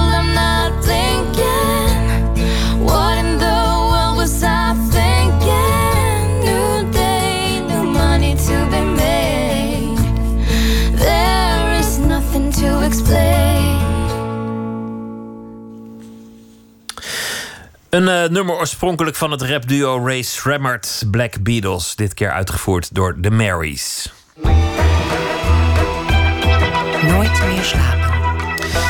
Hij was eigenlijk een soort conservator van een permanente publieke tentoonstelling van hedendaagse kunst, Julius Vermeulen. 28 jaar lang verdeelde hij de opdrachten voor het ontwerpen van de postzegels aan vormgevers, fotografen, beeldend kunstenaars. De posterijen, tegenwoordig heten die post.nl, die eh, vonden de functie niet langer nodig. Een bericht dat bij Matthijs Deen een oude liefde oprakelde. Een liefde voor de postzegel.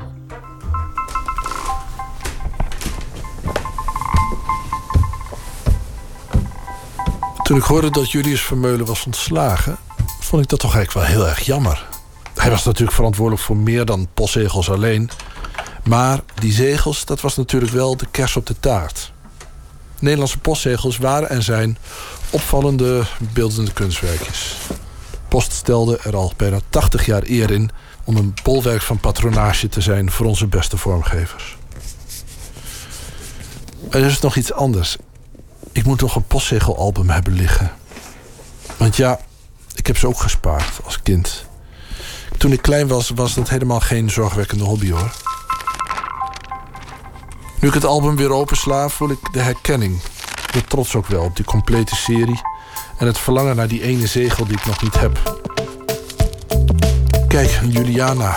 Het Nederlands Nieuw-Guinea. 80 cent. Ik pakte het album onder mijn arm en nam de tram naar Julius Vermeulen. Natuurlijk spaar ik geen postzegels meer. Maar het einde van de postzegels zoals we hem kennen... die stille, terloopse verspreiding van beeldende kunst door binnen- en buitenland... dat dat verdwijnt, dat gaat me toch wel aan het hart. Ja. De tafel van Julius Vermeulen ligt bezaaid met postzegels van de afgelopen 30 jaar. Er is ook een stapel boeken van Jan Wolkers trouwens. En krantenartikelen, allemaal over postzegels. Maar het is geen filatelist die hier dingen heeft uitgestald. Het is een tafel van een grafisch vormgever. Want nauwelijks slaat hij een blik in de vooroorlogse zegels die ik hem laat zien uit mijn verzameling, of hij wijst me op de eerste tekenen van de Nederlandse neiging om de postzegel te gebruiken als een verheffing van het volk en een voertuig van experiment en vernieuwing. Nou ja, kijk, hier begint het al. Hier zie je al. eh, dit, is een, dit is een illustrator wiens naam ik even niet, niet, niet weet. Maar dit is Eva Besneu bijvoorbeeld. Eva Besneu, die, dat is natuurlijk Je moet even de, de, de zegels eh, eh, beschrijven. Nou, dit zijn kinderpostzegels ehm, uit de jaren 30. Ik zal misschien even kijken of ik dat nog kan, kan opzoeken, het juiste getal. Maar daar gaat, het gaat het niet, eigenlijk niet eens om. Het gaat erom dat die van Rooyen, die zie je trouwens hier op een postzegel. Dat kan- kan geen toeval zijn. Die, kijk, die begon dus met het geven van, van, van opdrachten aan, aan kunstenaars, fotografen, architecten. Om, ehm, om die cultuur, zeg maar de, de, de, de scheppende mens, in die postzegel te brengen. Want ehm, die postzegel is natuurlijk niet alleen maar een, een, een betaalbewijs. Dat is ook een cultuurdrager. En hij heeft dus bijvoorbeeld de fotografie geïntroduceerd. En dat was, dat was wereldwijd schokkend. En het begon eigenlijk nog eerder met Piet Zwart. En Piet Zwart die, die deed er nog een schepje bovenop. Die introduceerde de fotomontage. Nou, dat was voor die tijd hè, heel veel boze brieven. Van dat, dat was een beeld wat de mensen niet kenden. En, en uh, toen later kwamen, kwamen uh, Eva Besneu, Cas, Oorthuis en nog later Willem Diepraam. Dus daar, is een hele... Rieneke Dijkstra natuurlijk, tot en met nu. Dus dat is een fantastische uh, ontwikkeling. De Nederlandse zegels waren inderdaad wel anders dan alle andere. Heel dichtbij eigenlijk.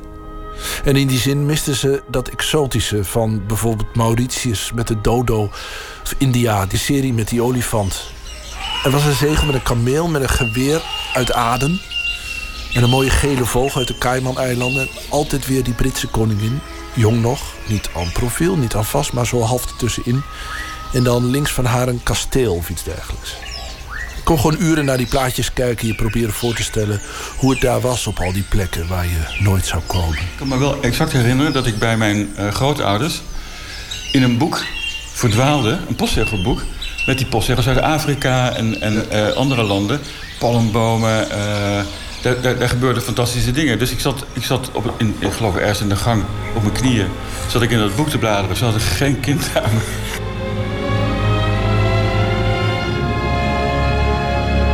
De postzegel als etalage van een land. Nederlandse posterijen hebben dat altijd anders opgevat dan het tonen van oranje klompen, tulpen, vogels en kaas.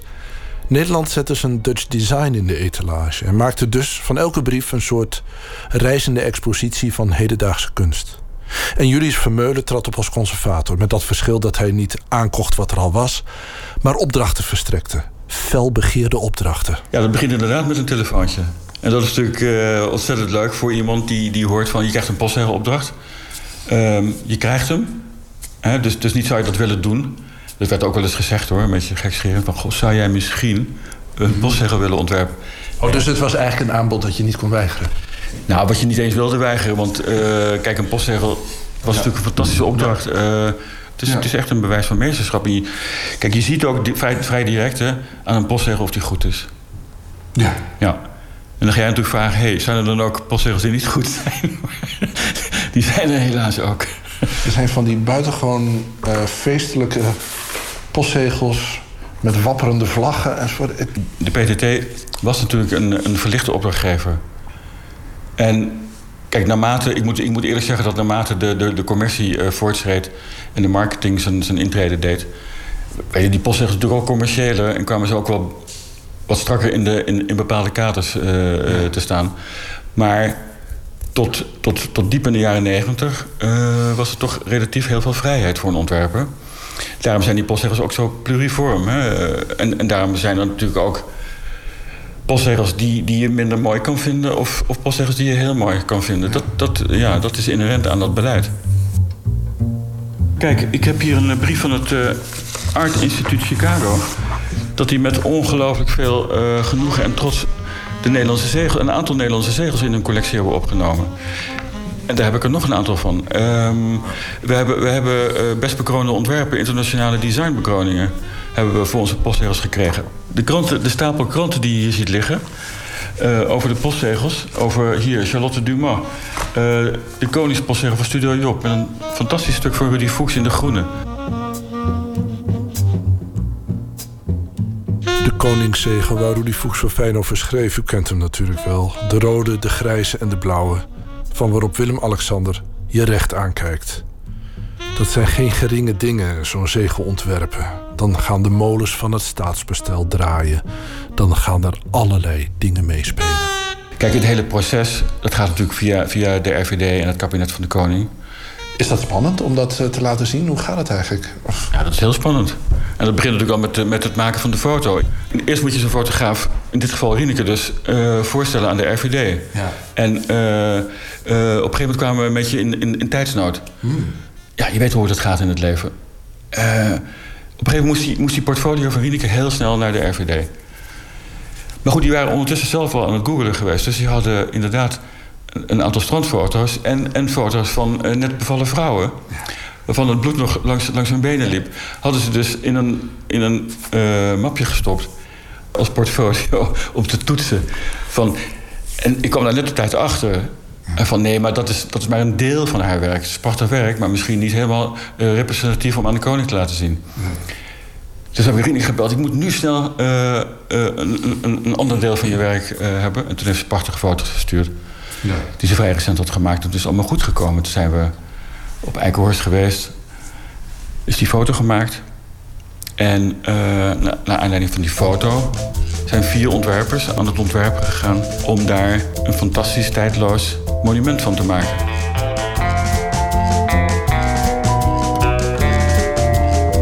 En, Dus- en, dus- en jij bent op een gegeven moment zover dat je, dat je meteen ziet dat is hem. Ja, en dat is dan weer het voordeel van zo'n, van zo'n meervoudige opdracht. Dat, dat iedereen eh, neemt natuurlijk zijn eigen invalshoek. En probeert, en probeert ook om, om dat fantastische eh, ontwerp van Peter Struiker... hè, en die foto van Vincent Mensel... Iedereen probeert dat om, om dat te evenaren natuurlijk. Van, van Beatrix. bedoel. Ja, de, van koningin Beatrix. Die prachtige, die prachtige postzegel met Mona Lisa-achtige glimlach. Heel geheimzinnig. Maar op een gegeven moment zie je dus... binnen die vier ontwerpen zie je iets ontstaan... waarvan je denkt van ja, dat, dat, dat, dat moet het zijn. Het kan niet anders. Ja. Ja. Maar die vormgever die kwam, die kwam eigenlijk zeg maar, rond mijn veertiende... Toen, toen ik mijn vader mocht helpen... met het inkleuren van, eh, van een boekomslag waar hij toen mee bezig was. ja, dan moet er even gezegd worden... want jouw vader ontwierp onder andere de boekomslagen van Jan Wolkers. Ja, ja, ja. En eh, mijn vader heeft dus alle boeken voor Jan Wolkers ontworpen. eh, zware jeugdvrienden. Op die, op die manier heeft mijn vader ook het zusje van Jan Wolkers ontmoet. En is dus mijn moeder geworden. zusje van Jan Wolkers. Oh, is het, Jan Wolkers was jouw oom? Ja, ja, ja, Jan Wolkers is mijn oom. En dat was dus eh, dubbel bijzonder, omdat je... Je krijgt dan niet, niet alleen te maken met de cultuur van, van, van zo'n schrijver... Maar toen mijn vader met dit omslag bezig was, toen zei hij... eh Julius, je moet me even helpen vanavond. Want ik ben een beetje laat, ben een beetje laat begonnen, maar ik heb het vast eh, ingetekend. Kun jij met plakkaatverf die letters inkleuren? Dus toen was ik 14 en toen wist ik dat ik ontwerper wilde worden. En dat was een fantastische ervaring. Ja. Maar het is natuurlijk een verpletterend voorbeeld van vader. Heb je, ben je, heb je geen rebellie gehad dan? Eh, nou, eigenlijk helemaal niet, want mijn vader was rebel. mijn vader die, die nam mij mee naar, eh, naar, naar, naar Jacques Tati, naar, naar het Stedelijk Museum, Bewogen Beweging. Eh, we gingen naar Metsenco om, om opblaasmeubelen te kopen. Die rijkdom die ik heb meegekregen, die heb ik helaas niet kunnen etaleren in mijn werk als grafiontwerper, maar wel in het beschouwende deel van het vakgebied. Dus door, door eh, die, die, die cultuur het bedrijf in te brengen. En eh, het was dan ook zo dat, dat wij niet voor niets eh, tentoonstellingen kregen. In het MoMA in New York, in het, in het Design Museum in Londen. Overal werden wij, werden wij als voorbeeld tentoongesteld van, van hoe het kan. Hoe je, hoe je met een bedrijfscultuur om kunt gaan. En hoe je, hoe je een bedrijf in deze tijd kunt, kunt plaatsen door goede ontwerpers te kiezen. Door kunstenaars uit te zoeken om een kunstcollectie samen te stellen. Ja, dat, is, dat, dat heeft toch met beschaving te maken.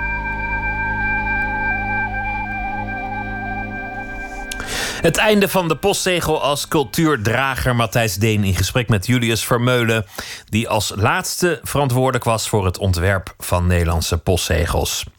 De band Mitch bestaat uit leden van Aus Raus, Lulle en Firestone. En drummer Mick Johan is hier in de studio, want die schrijft ook zijn debuutroman Totemdier Arafat is net uit. We gaan luisteren naar Mitch met het nummer Lay Down.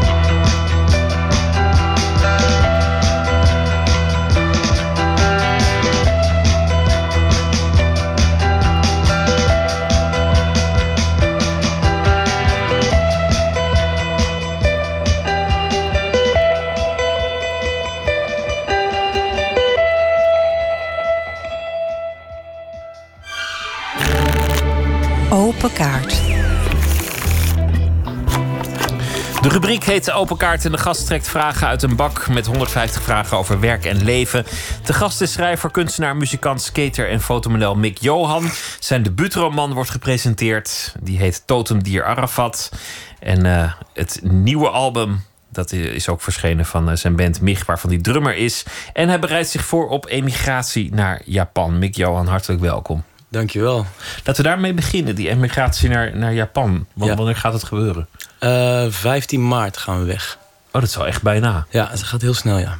Hoe is dat zo gekomen? Ehm, mijn vrouw eh, die, eh, heeft een hele goede baan aangeboden gekregen. En jij gaat mee? Ik ga mee, ja. Dus je gaat daar schrijven. Want, want veel andere functies die je doet, die zul je van, vanuit daar niet kunnen doen waarschijnlijk. Mm, nee, nou, ik kan misschien best nog wat modellen dingetjes doen. En kunstenaar kun je natuurlijk ook overal zijn. Maar drummer, dat, dat wordt, wordt ingewikkeld tenzij je daar een nieuwe band vindt. Ja, nou, ik zit wel... eh, ik ga wel proberen om een toertje te regelen met Mich. Dat, je, dat jullie daar nog, nog één Ja. keer eh, met z'n allen spelen. Of misschien, nou ja, je weet nooit, eh, weet nooit hoe, het, hoe het loopt. Nee, precies. Je eerste boek is verschenen. Het gaat over een, een jonge man in de jaren negentig... die met zijn ouders mee verhuist naar Duitsland. En daar in Duitsland, daar wordt hij volwassen. En dat gaat gepaard met veel blowen, met veel muziek. Hij gaat een beetje van de punk naar de, naar de gabbermuziek. En met eh, veel masturberen natuurlijk. Jazeker. En eh, het is een coming-of-age roman met, met heel veel verlangens. En het deed mij ergens denken aan eh, Bukowski. Ja, grappig dat je dat zegt. Is dat een held van je? Ehm, een held zou ik niet zeggen. Maar ehm, ik vind wel veel van zijn werk echt goed, ja. Of tenminste, wat ik heb gelezen. Ik heb eigenlijk maar twee boeken van hem gelezen. En Post Office is wel echt eh, een motivatie voor mezelf geweest om postbode te worden. Je bent postbode geweest? Ik ben postbode geweest, ja. Waar? In Scheveningen. En toen dacht ik, ah, dan ga ik ook postbode worden... en de hele dag een beetje zuipen en dan is het relaxed. Zoals hij doet in dat boek. En toen kwam ik er op de eerste dag achter... dat ik ongeveer eh, 120 portiekwoningen had... waar je dus eerst een trap omhoog moet... en dan pas de post kan inleveren. Oh, oh Den Haag. Ja, dus eh, ik kreeg in plaats van eh, een soort zatlappen... bestaan een hele sterke kont van al die traplopen. Dit boek zou ook gedeeltelijk autobiografisch kunnen zijn. Althans, er zijn een paar overeenkomsten tussen je eigen eh, biografie en die van de hoofdpersoon. Jou- jouw vader die zat ook in het leger en die is Ja. ook op een gegeven moment naar Duitsland gegaan. Ja, En jij bent ook voor een deel opgegroeid in Ermelo. ja ook. Dus, Ja. dus daar, daar zijn de overeenkomsten waar nog meer? Eh, ik was ook heel kwaad eh, als puber. Echt een, eh, Kwaaie jongen. een kwaaie, kwaaie jongen, ja. Plus, ik, en dat, eh dat sluimerde al een beetje in Ermelo. En toen we daar naartoe gingen, had ik een soort van excuus... om dat helemaal te botvieren op alles en iedereen die me tegenstond. En dat heb ik ook gedaan. En dat is ook wat de hoofdpersoon in dit boek in zich draagt. Een soort, Ja, eh, soort woede. En, Ja. en volgens mij ook een woede die, die bij elke puber past. Althans, ik heb het zelf ook zo ervaren. De, die, die vraag van, wanneer gaat het nou eindelijk eens allemaal beginnen? Ja, Allerlei, Ja, ver- allerlei verlangens en allerlei hopen, allerlei eh, grootheidswaan. Maar, maar het leven in werkelijkheid blijft zo lang zo saai. ja. Ja, klopt. En het houdt ook nooit op met eh, dat het nooit gaat beginnen eigenlijk. Het is nog steeds niet begonnen, wil je maar zeggen. Nee, of tenminste, het is, je bent er nooit. Dat is het meer, misschien meer. Vroeger had je dan een idee van... oh ja, als ik naar de kunstacademie ga, als ik daar word aangenomen... dan heb ik het gehaald en dan, dan ben ik daar. En dan zit je op de kunstacademie, maar dan is dat helemaal niet. Of als ik dan mijn eerste klus doe voor zoveel geld... dan heb ik het gehaald en dan gaat het allemaal vanzelf. Maar dat, dat moment is er gewoon niet. Het is nooit begonnen. Nee. je, je doet wel veel verschillende dingen, want je bent ook Ja, eh, klopt. kunstenaar. eh, een, een tijd ook deel van een duo. Mhm. Nu, nu niet meer, maar jullie hadden een soort eh, een naamsvariant op Victor en Rolf eh, bedacht. Hoe, Ja. hoe heten jullie? Victor en Molf waren wij. Hoe Ja. was dat tot stand gekomen? Eh, dat was in, die, in de tijd dat Victor en Rolf de postbankreclame deden. In die blauwe leeuwpakken. ja? hadden wij allebei, Matthijs en ik, Matthijs Boy... ehm, die mijn beste vriend was en is. En op de kunstacademie, wij werkten veel samen. Op een gegeven moment hadden we allebei een postbank blauwe trui... met een grote M erop. Want hij heet Matthijs en ik heet Mick. En het was postbank blauw. Iemand zei, hey, jullie lijken net Victor en Rolf. En toen zeiden wij grappend, ja, maar dan Victor en Molf. Victor en En Rolf, ja. Dat is een beetje toen eh, blijven hangen. Hoe heb je trouwens de- dit, dit boek geschreven? Want, want dit is volgens mij wel een serieuze nieuwe ambitie, dat, dat, dat schrijven. Ja. Dus voorlopig in ieder geval wat je gaat doen. Wanneer, wanneer is het goed? Want, want wat, wat, wat mij vooral opviel is het taalgebruik... en dat het, dat het tamelijk direct is en, en heel, heel erg eh, goed bekt. Schrijf je hardop? Dankjewel. Ehm nee, niet eens. Nee, maar ik, eh, ik hou niet zo van... eh, of ik, heb, ik, ik vind mezelf geen stylist qua schrijven. Ehm, en ik vind ook eh, mijn woordenschat heel beperkt eigenlijk.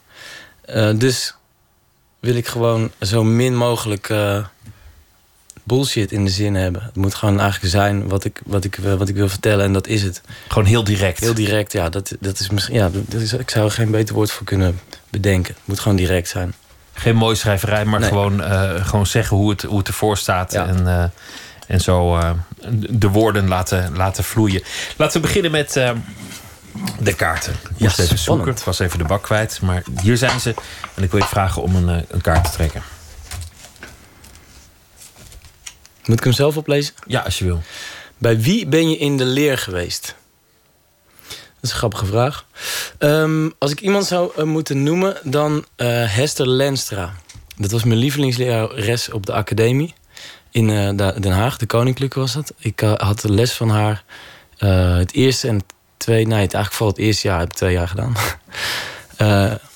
En ehm, zij was iemand die heel erg zag wat ik eigenlijk kon dwars door alle dwarsigheid tegen eh, een schoolse structuur die ik gewoon nog steeds. eh, dat, ik, ik heb dat nooit gekund. Je bent nooit gaan passen in dat systeem. Nee, en eh, ik heb school ook nooit afgemaakt. En zij kon me heel erg goed stimuleren op een bepaalde manier. En zij trok gewoon echt goede verhalen uit me. En ja, ik heb altijd echt heel veel plezier.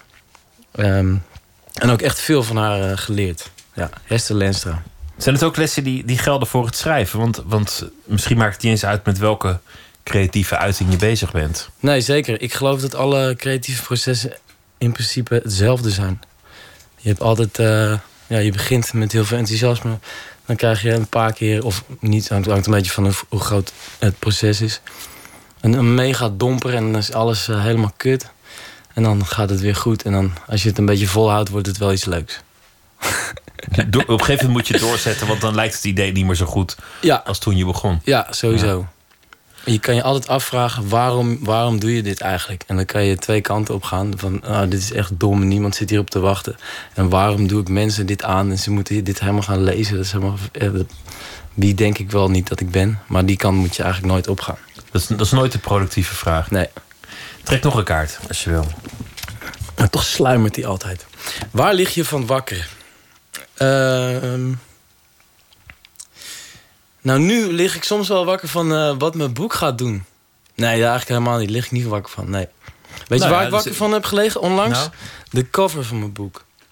Da- wat dat- je zou moeten kiezen als, het ontwerp. als kaft. Ja. Ja, eh, dat, is, dat heeft heel lang geduurd. En eh, het leek erop dat het helemaal niet goed ging komen. En nu is dat heel erg tof geworden. Het is een, ja, wat, wat is het eigenlijk? Het zou een marihuana-blad kunnen zijn, maar het zou ook iets Ah, kunnen grappig. zijn van iemand die heel hard tegen de muur knalt. En Als, als in een Ja. stripfiguur. Ja, je bent eigenlijk de eerste die dat zegt, een, een wietblad. Maar ehm, eh, het is een soort explosie, een soort eh, ja, abstracte explosie... die toevallig ook eh, een soort 3D-vorm van de letters is. Als een, als een, als een explosieve slagschaduw.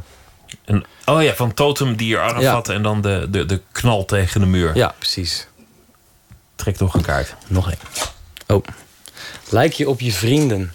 Nee. nee, totaal niet.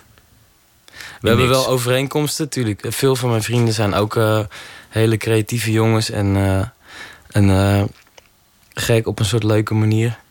Maar ja, nee, ik denk dat wij allemaal wel vrij unieke personen zijn. Ik vind maar weinig mensen ook op elkaar lijken. Misschien is dat het ook wel.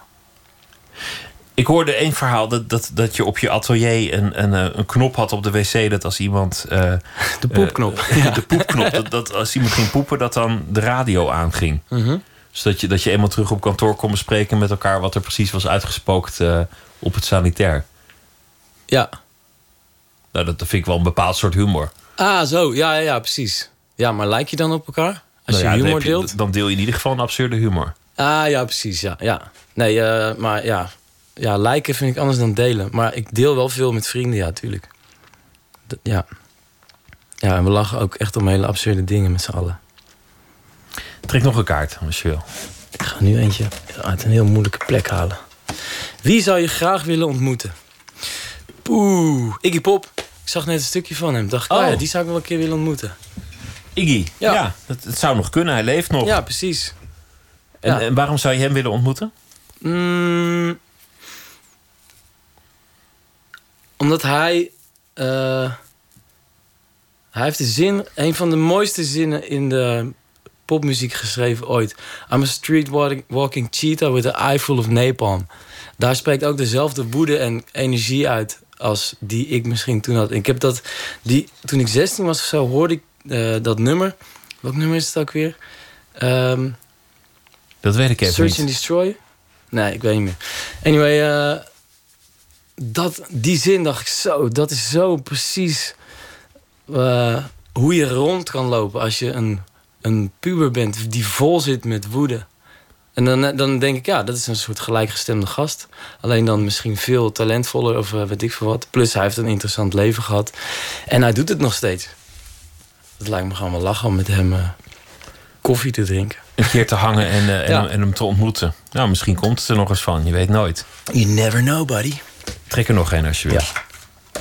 Ben je meer van het talent of de techniek? Sowieso het talent. Ik, eh, ik ben eh, echt helemaal niet eh, handig en eh, doorzetterig met techniek. Nee. Je moet het van je ideeën hebben. Ja. En de energie. Ja, daarom ben ik ook geëindigd met schrijven, denk ik. Daar zit het minste tussen. Dat vind ik ook echt lekker aan schrijven. Er zit niks tussen... aan techniek tussen je, je ideeën en wat eruit komt. Het zijn gewoon woorden. Maar je hebt natuurlijk ook wel literaire techniek. Er zijn ook echt technieken van hoe, je, ja. hoe je een boek opbouwt. Of een, Zo begon ik dus ook. En op een gegeven moment leerde ik van, eh, dat het toch wel echt een vak is. Ja. Toen dacht ik, oh ja, shit. Wat ben ik aan begonnen? Hoe, hoe krijg ik die scène goed en, en hoe, Ja. hoe beschrijf ik dit? En, ja. eh, ja, en waarom, wat is de motivatie van die persoon om nu dit te gaan doen? Of wat, wat eh, weet je zo, ook verhalende technieken. Ja. Maar ja. We doen er nog één. Oké. Ehm, oh, deze zag ik, sorry. Heb je wel eens gevochten? Ja, ik heb wel eens gevochten. Met wie? Mm, ik heb meerdere malen gevochten. Ehm, een van de eerste keren was met een gabber in Ede op het Museumplein. Waar camera's hingen. Maar daar heb ik nooit last van gehad. En dat ging zo. Ik fietste langs. En hij zei, hey skater. En ik zei, hey gabber. En toen renden ze me achter me aan om in elkaar te slaan. Zo En snel toen- ging dat? Ja, zo snel ging dat. Het lijkt wel aardig op de sfeer die in je boek hangt. Ja, het dus is de ook wel, skater ja. en, en, en de gabber. En, ja, eh, dat was ook wel echt eh, waar ik in zat toen. En wat er heel erg eh, aan de gang was. en, en hoe liep Ja. die vechtpartij af? Want, want skater, gabber achter je aan Ja. vechten. En, Dus en- zij waren met z'n tweeën. Op een of andere manier heb ik ze allebei weten te raken. En toen ben ik keihard weggerend. En in een café ergens daar zaten vrienden van me. En die ben ik toen op gaan halen. En toen was het afgelopen. Dat was het. Dus liep af met vechtpartij en de jongens ja. ook nooit meer tegengekomen. Jawel, want dat waren gewoon eh, de guys die altijd tegenkwamen. En dan was de keer daarna gewoon van... hey hoi, hoe was het vechten vorige week? Met hun? Ja. Nee, dat was altijd, eh, het was altijd bleef. eh, of matten of een beetje relax naar elkaar kijken en even wat bad vibes rondsturen. Ja, dat was het altijd wel. Ja, straatlopende cheetahs met napalm in de Ja, ogen. ja, en een rotgevoel in de maag. Totemdier Arafat heet het eh, boek. Mick Johan, dankjewel. Goeienacht. Jij bedankt. En dan eh, gaan we nu luisteren naar Melody Gardot. Op 19-jarige leeftijd kreeg ze een verkeersongeluk. Een zware revalidatie gebeurde onder meer door muziektherapie en de muziek die bleef. En we gaan luisteren naar het nummer He's a Tramp. Mm,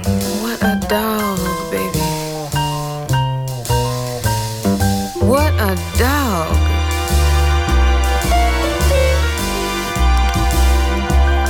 Mm, he's a tramp, but they love him.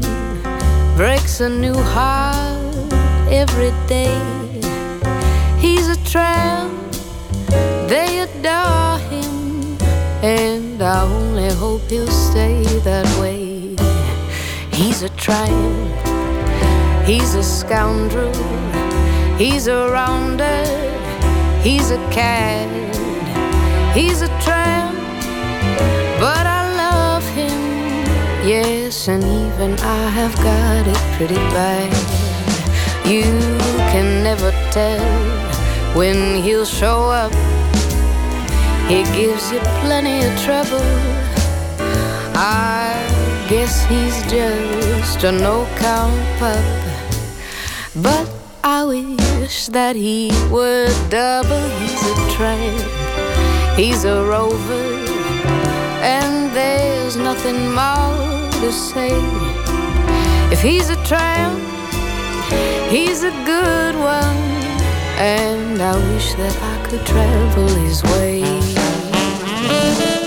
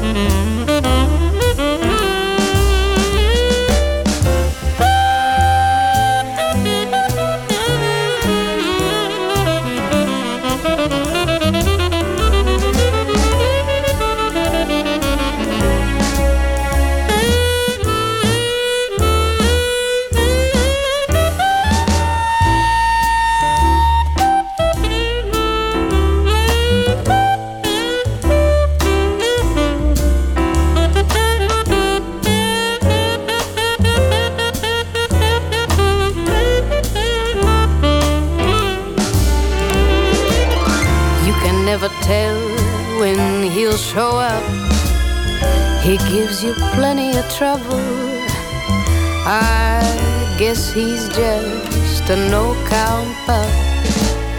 But I wish that he were double. He's a tramp, he's a rover, and there's nothing more to say. If he's a tramp, He's a good one, and I wish that I could travel his way. I wish that I could travel his way. That I could travel his way.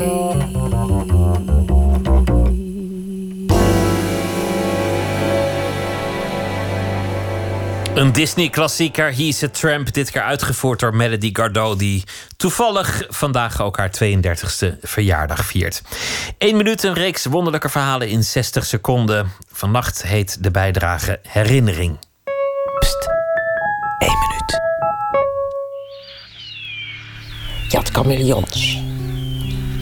En, eh, en blauwe kevertjes op de mangobomen. Heb ik nooit meer gezien. Fantastische, glimmende blauwe kevertjes. Ja, en ook de klapperrat die ik heb gehad. Grijs, met een grote pluimstaart. En die kropen bijen. Het is een klein beestje. Die stak soms nu dan zo'n kopje uit je blouse. En de kleine gele vogeltjes. Die vaak, eh, smiddags was het zo heet dat ze gewoon echt... dat je ze met de hand kon vangen... omdat ze zo sloom waren van de hitte. Dat soort herinneringen. Zelfs nog van het laatste kamp, waar dus eigenlijk alleen maar barakken waren... maar er was een soort veldje, ik denk met een soort postelijn. Kleine roze bloemetjes. Geweldig. En er waren ook nog vlinders. Fantastisch. Ik weet niet of ik gek was of gewoon gezegend dat ik me dus concentreerde op alleen maar de vrolijke dingen. Maar dat was eigenlijk wat ik me, als ik over denk, herinner van de Jappenkamp. Eén minuut gemaakt door Jair Stijn. Morgen weer een Calexico. Een eh, plaats op de grens tussen de Verenigde Staten en Mexico. Een eh, grens die momenteel veel in het nieuws is. We gaan luisteren naar hun nummer Fortune Teller.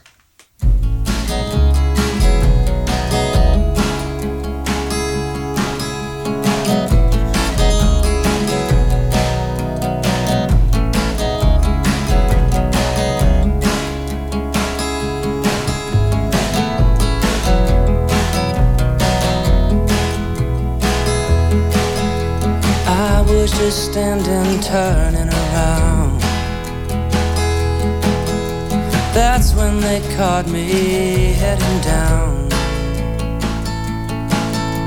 Keep on going, don't look away. That's what they tell me, that's what they say.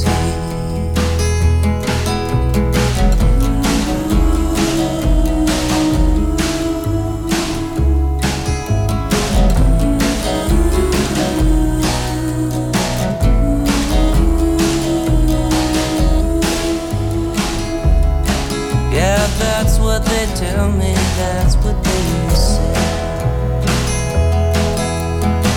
You're a pretty thought, I suppose. Yeah, I'm just trying to hold up as I go. And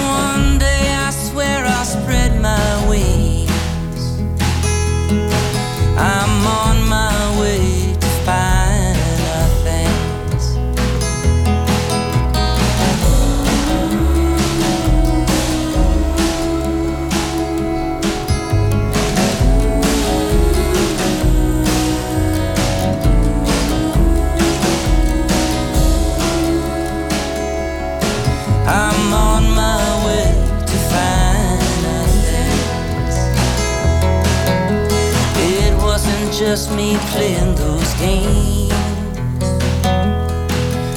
Still, it's my own fault just the same. I opened up, I let you in. Now these crystal fields are wearing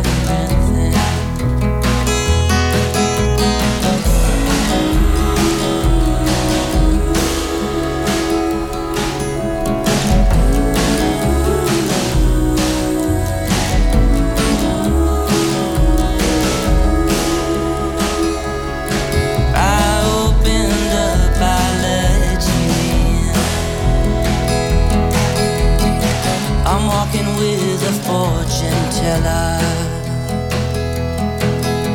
I can see my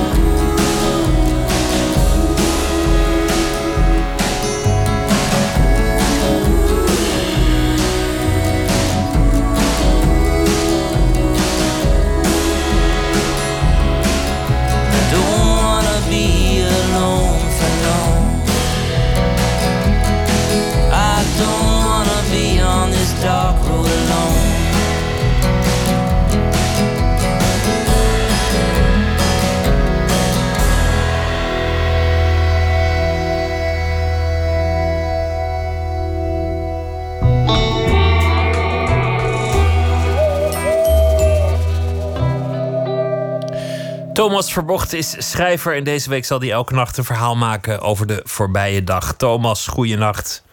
Goedenacht Pieter, hallo. Vertel, wat, eh, wat is het vandaag geworden? Ik zal het lezen. Eerst dacht ik dat het een grapje was. Maar vandaag hoor ik de verkiezingsslogan van D66 weer. En die luidt... D66 krijgt het voor elkaar. Ik herhaal... D66 krijgt het voor elkaar. Daar is over nagedacht. Ik weet het zeker. En men zal niet over één nacht ijs zijn gegaan. Diverse varianten zijn tegen het licht gehouden. En uiteindelijk heeft er iemand gezegd, ik weet natuurlijk niet wie... maar iemand heeft gezegd, dat is het, D66 krijgt het voor elkaar. Ik denk dan meteen even aan de partij van de heer Roemer, de SP. Die heeft ook een slogan en die is klaar om te knokken. Ik ben niet dol op het woord knokken.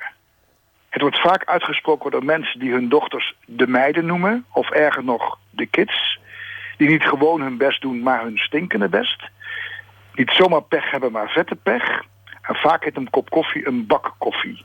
Is allemaal niet erg. En klaar om te knokken heeft een serieuze dynamiek en een nuttige alliteratie. De foto van de heer Roemer die erbij staat afgedrukt liegt er niet om. Het is menens. Hoe anders is het met D66 krijgt het voor elkaar. Het is net alsof je het bestelbusje van een klusjesman door de straat ziet rijden.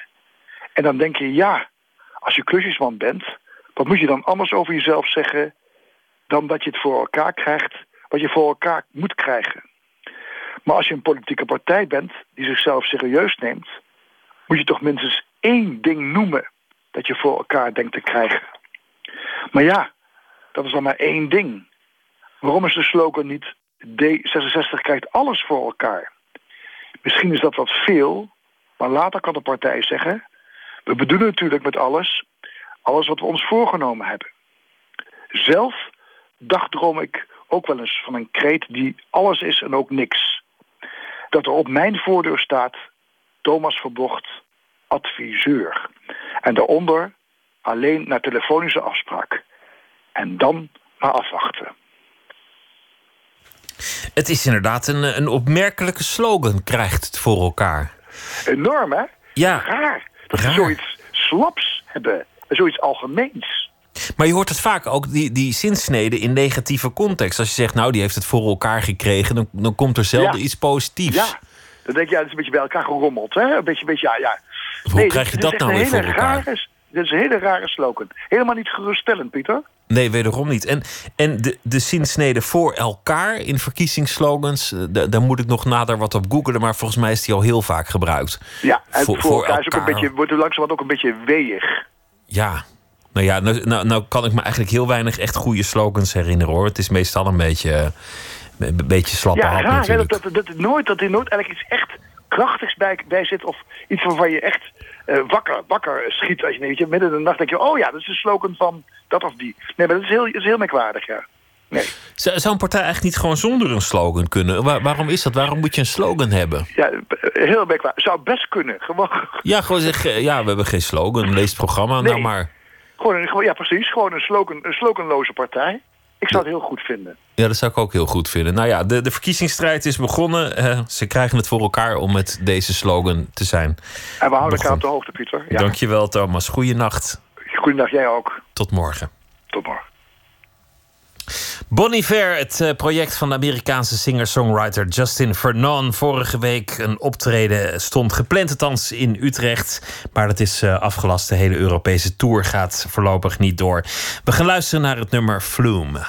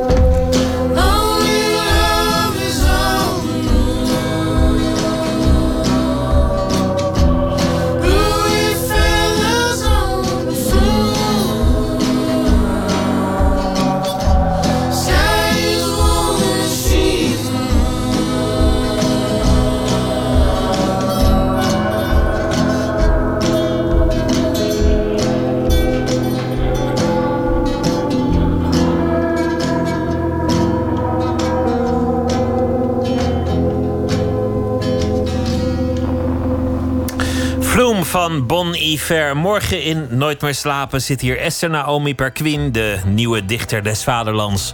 De vrouw die de poëzie terug gaat geven aan het volk die er te lang zonder heeft uh, moeten doen. En zij gaat in gesprek met uh, Andrea Meijer, gespecialiseerd in de oudere geneeskunde, heeft een boek geschreven, Eeuwig houdbaar, over ouder worden en wat je kunt doen om 120 of zelfs ouder te worden. Dat allemaal morgen in Nooit meer slapen. Voor nu wens ik u een hele goede nacht. Zometeen kunt u op deze zender luisteren naar De Nachtzuster. Goeienacht.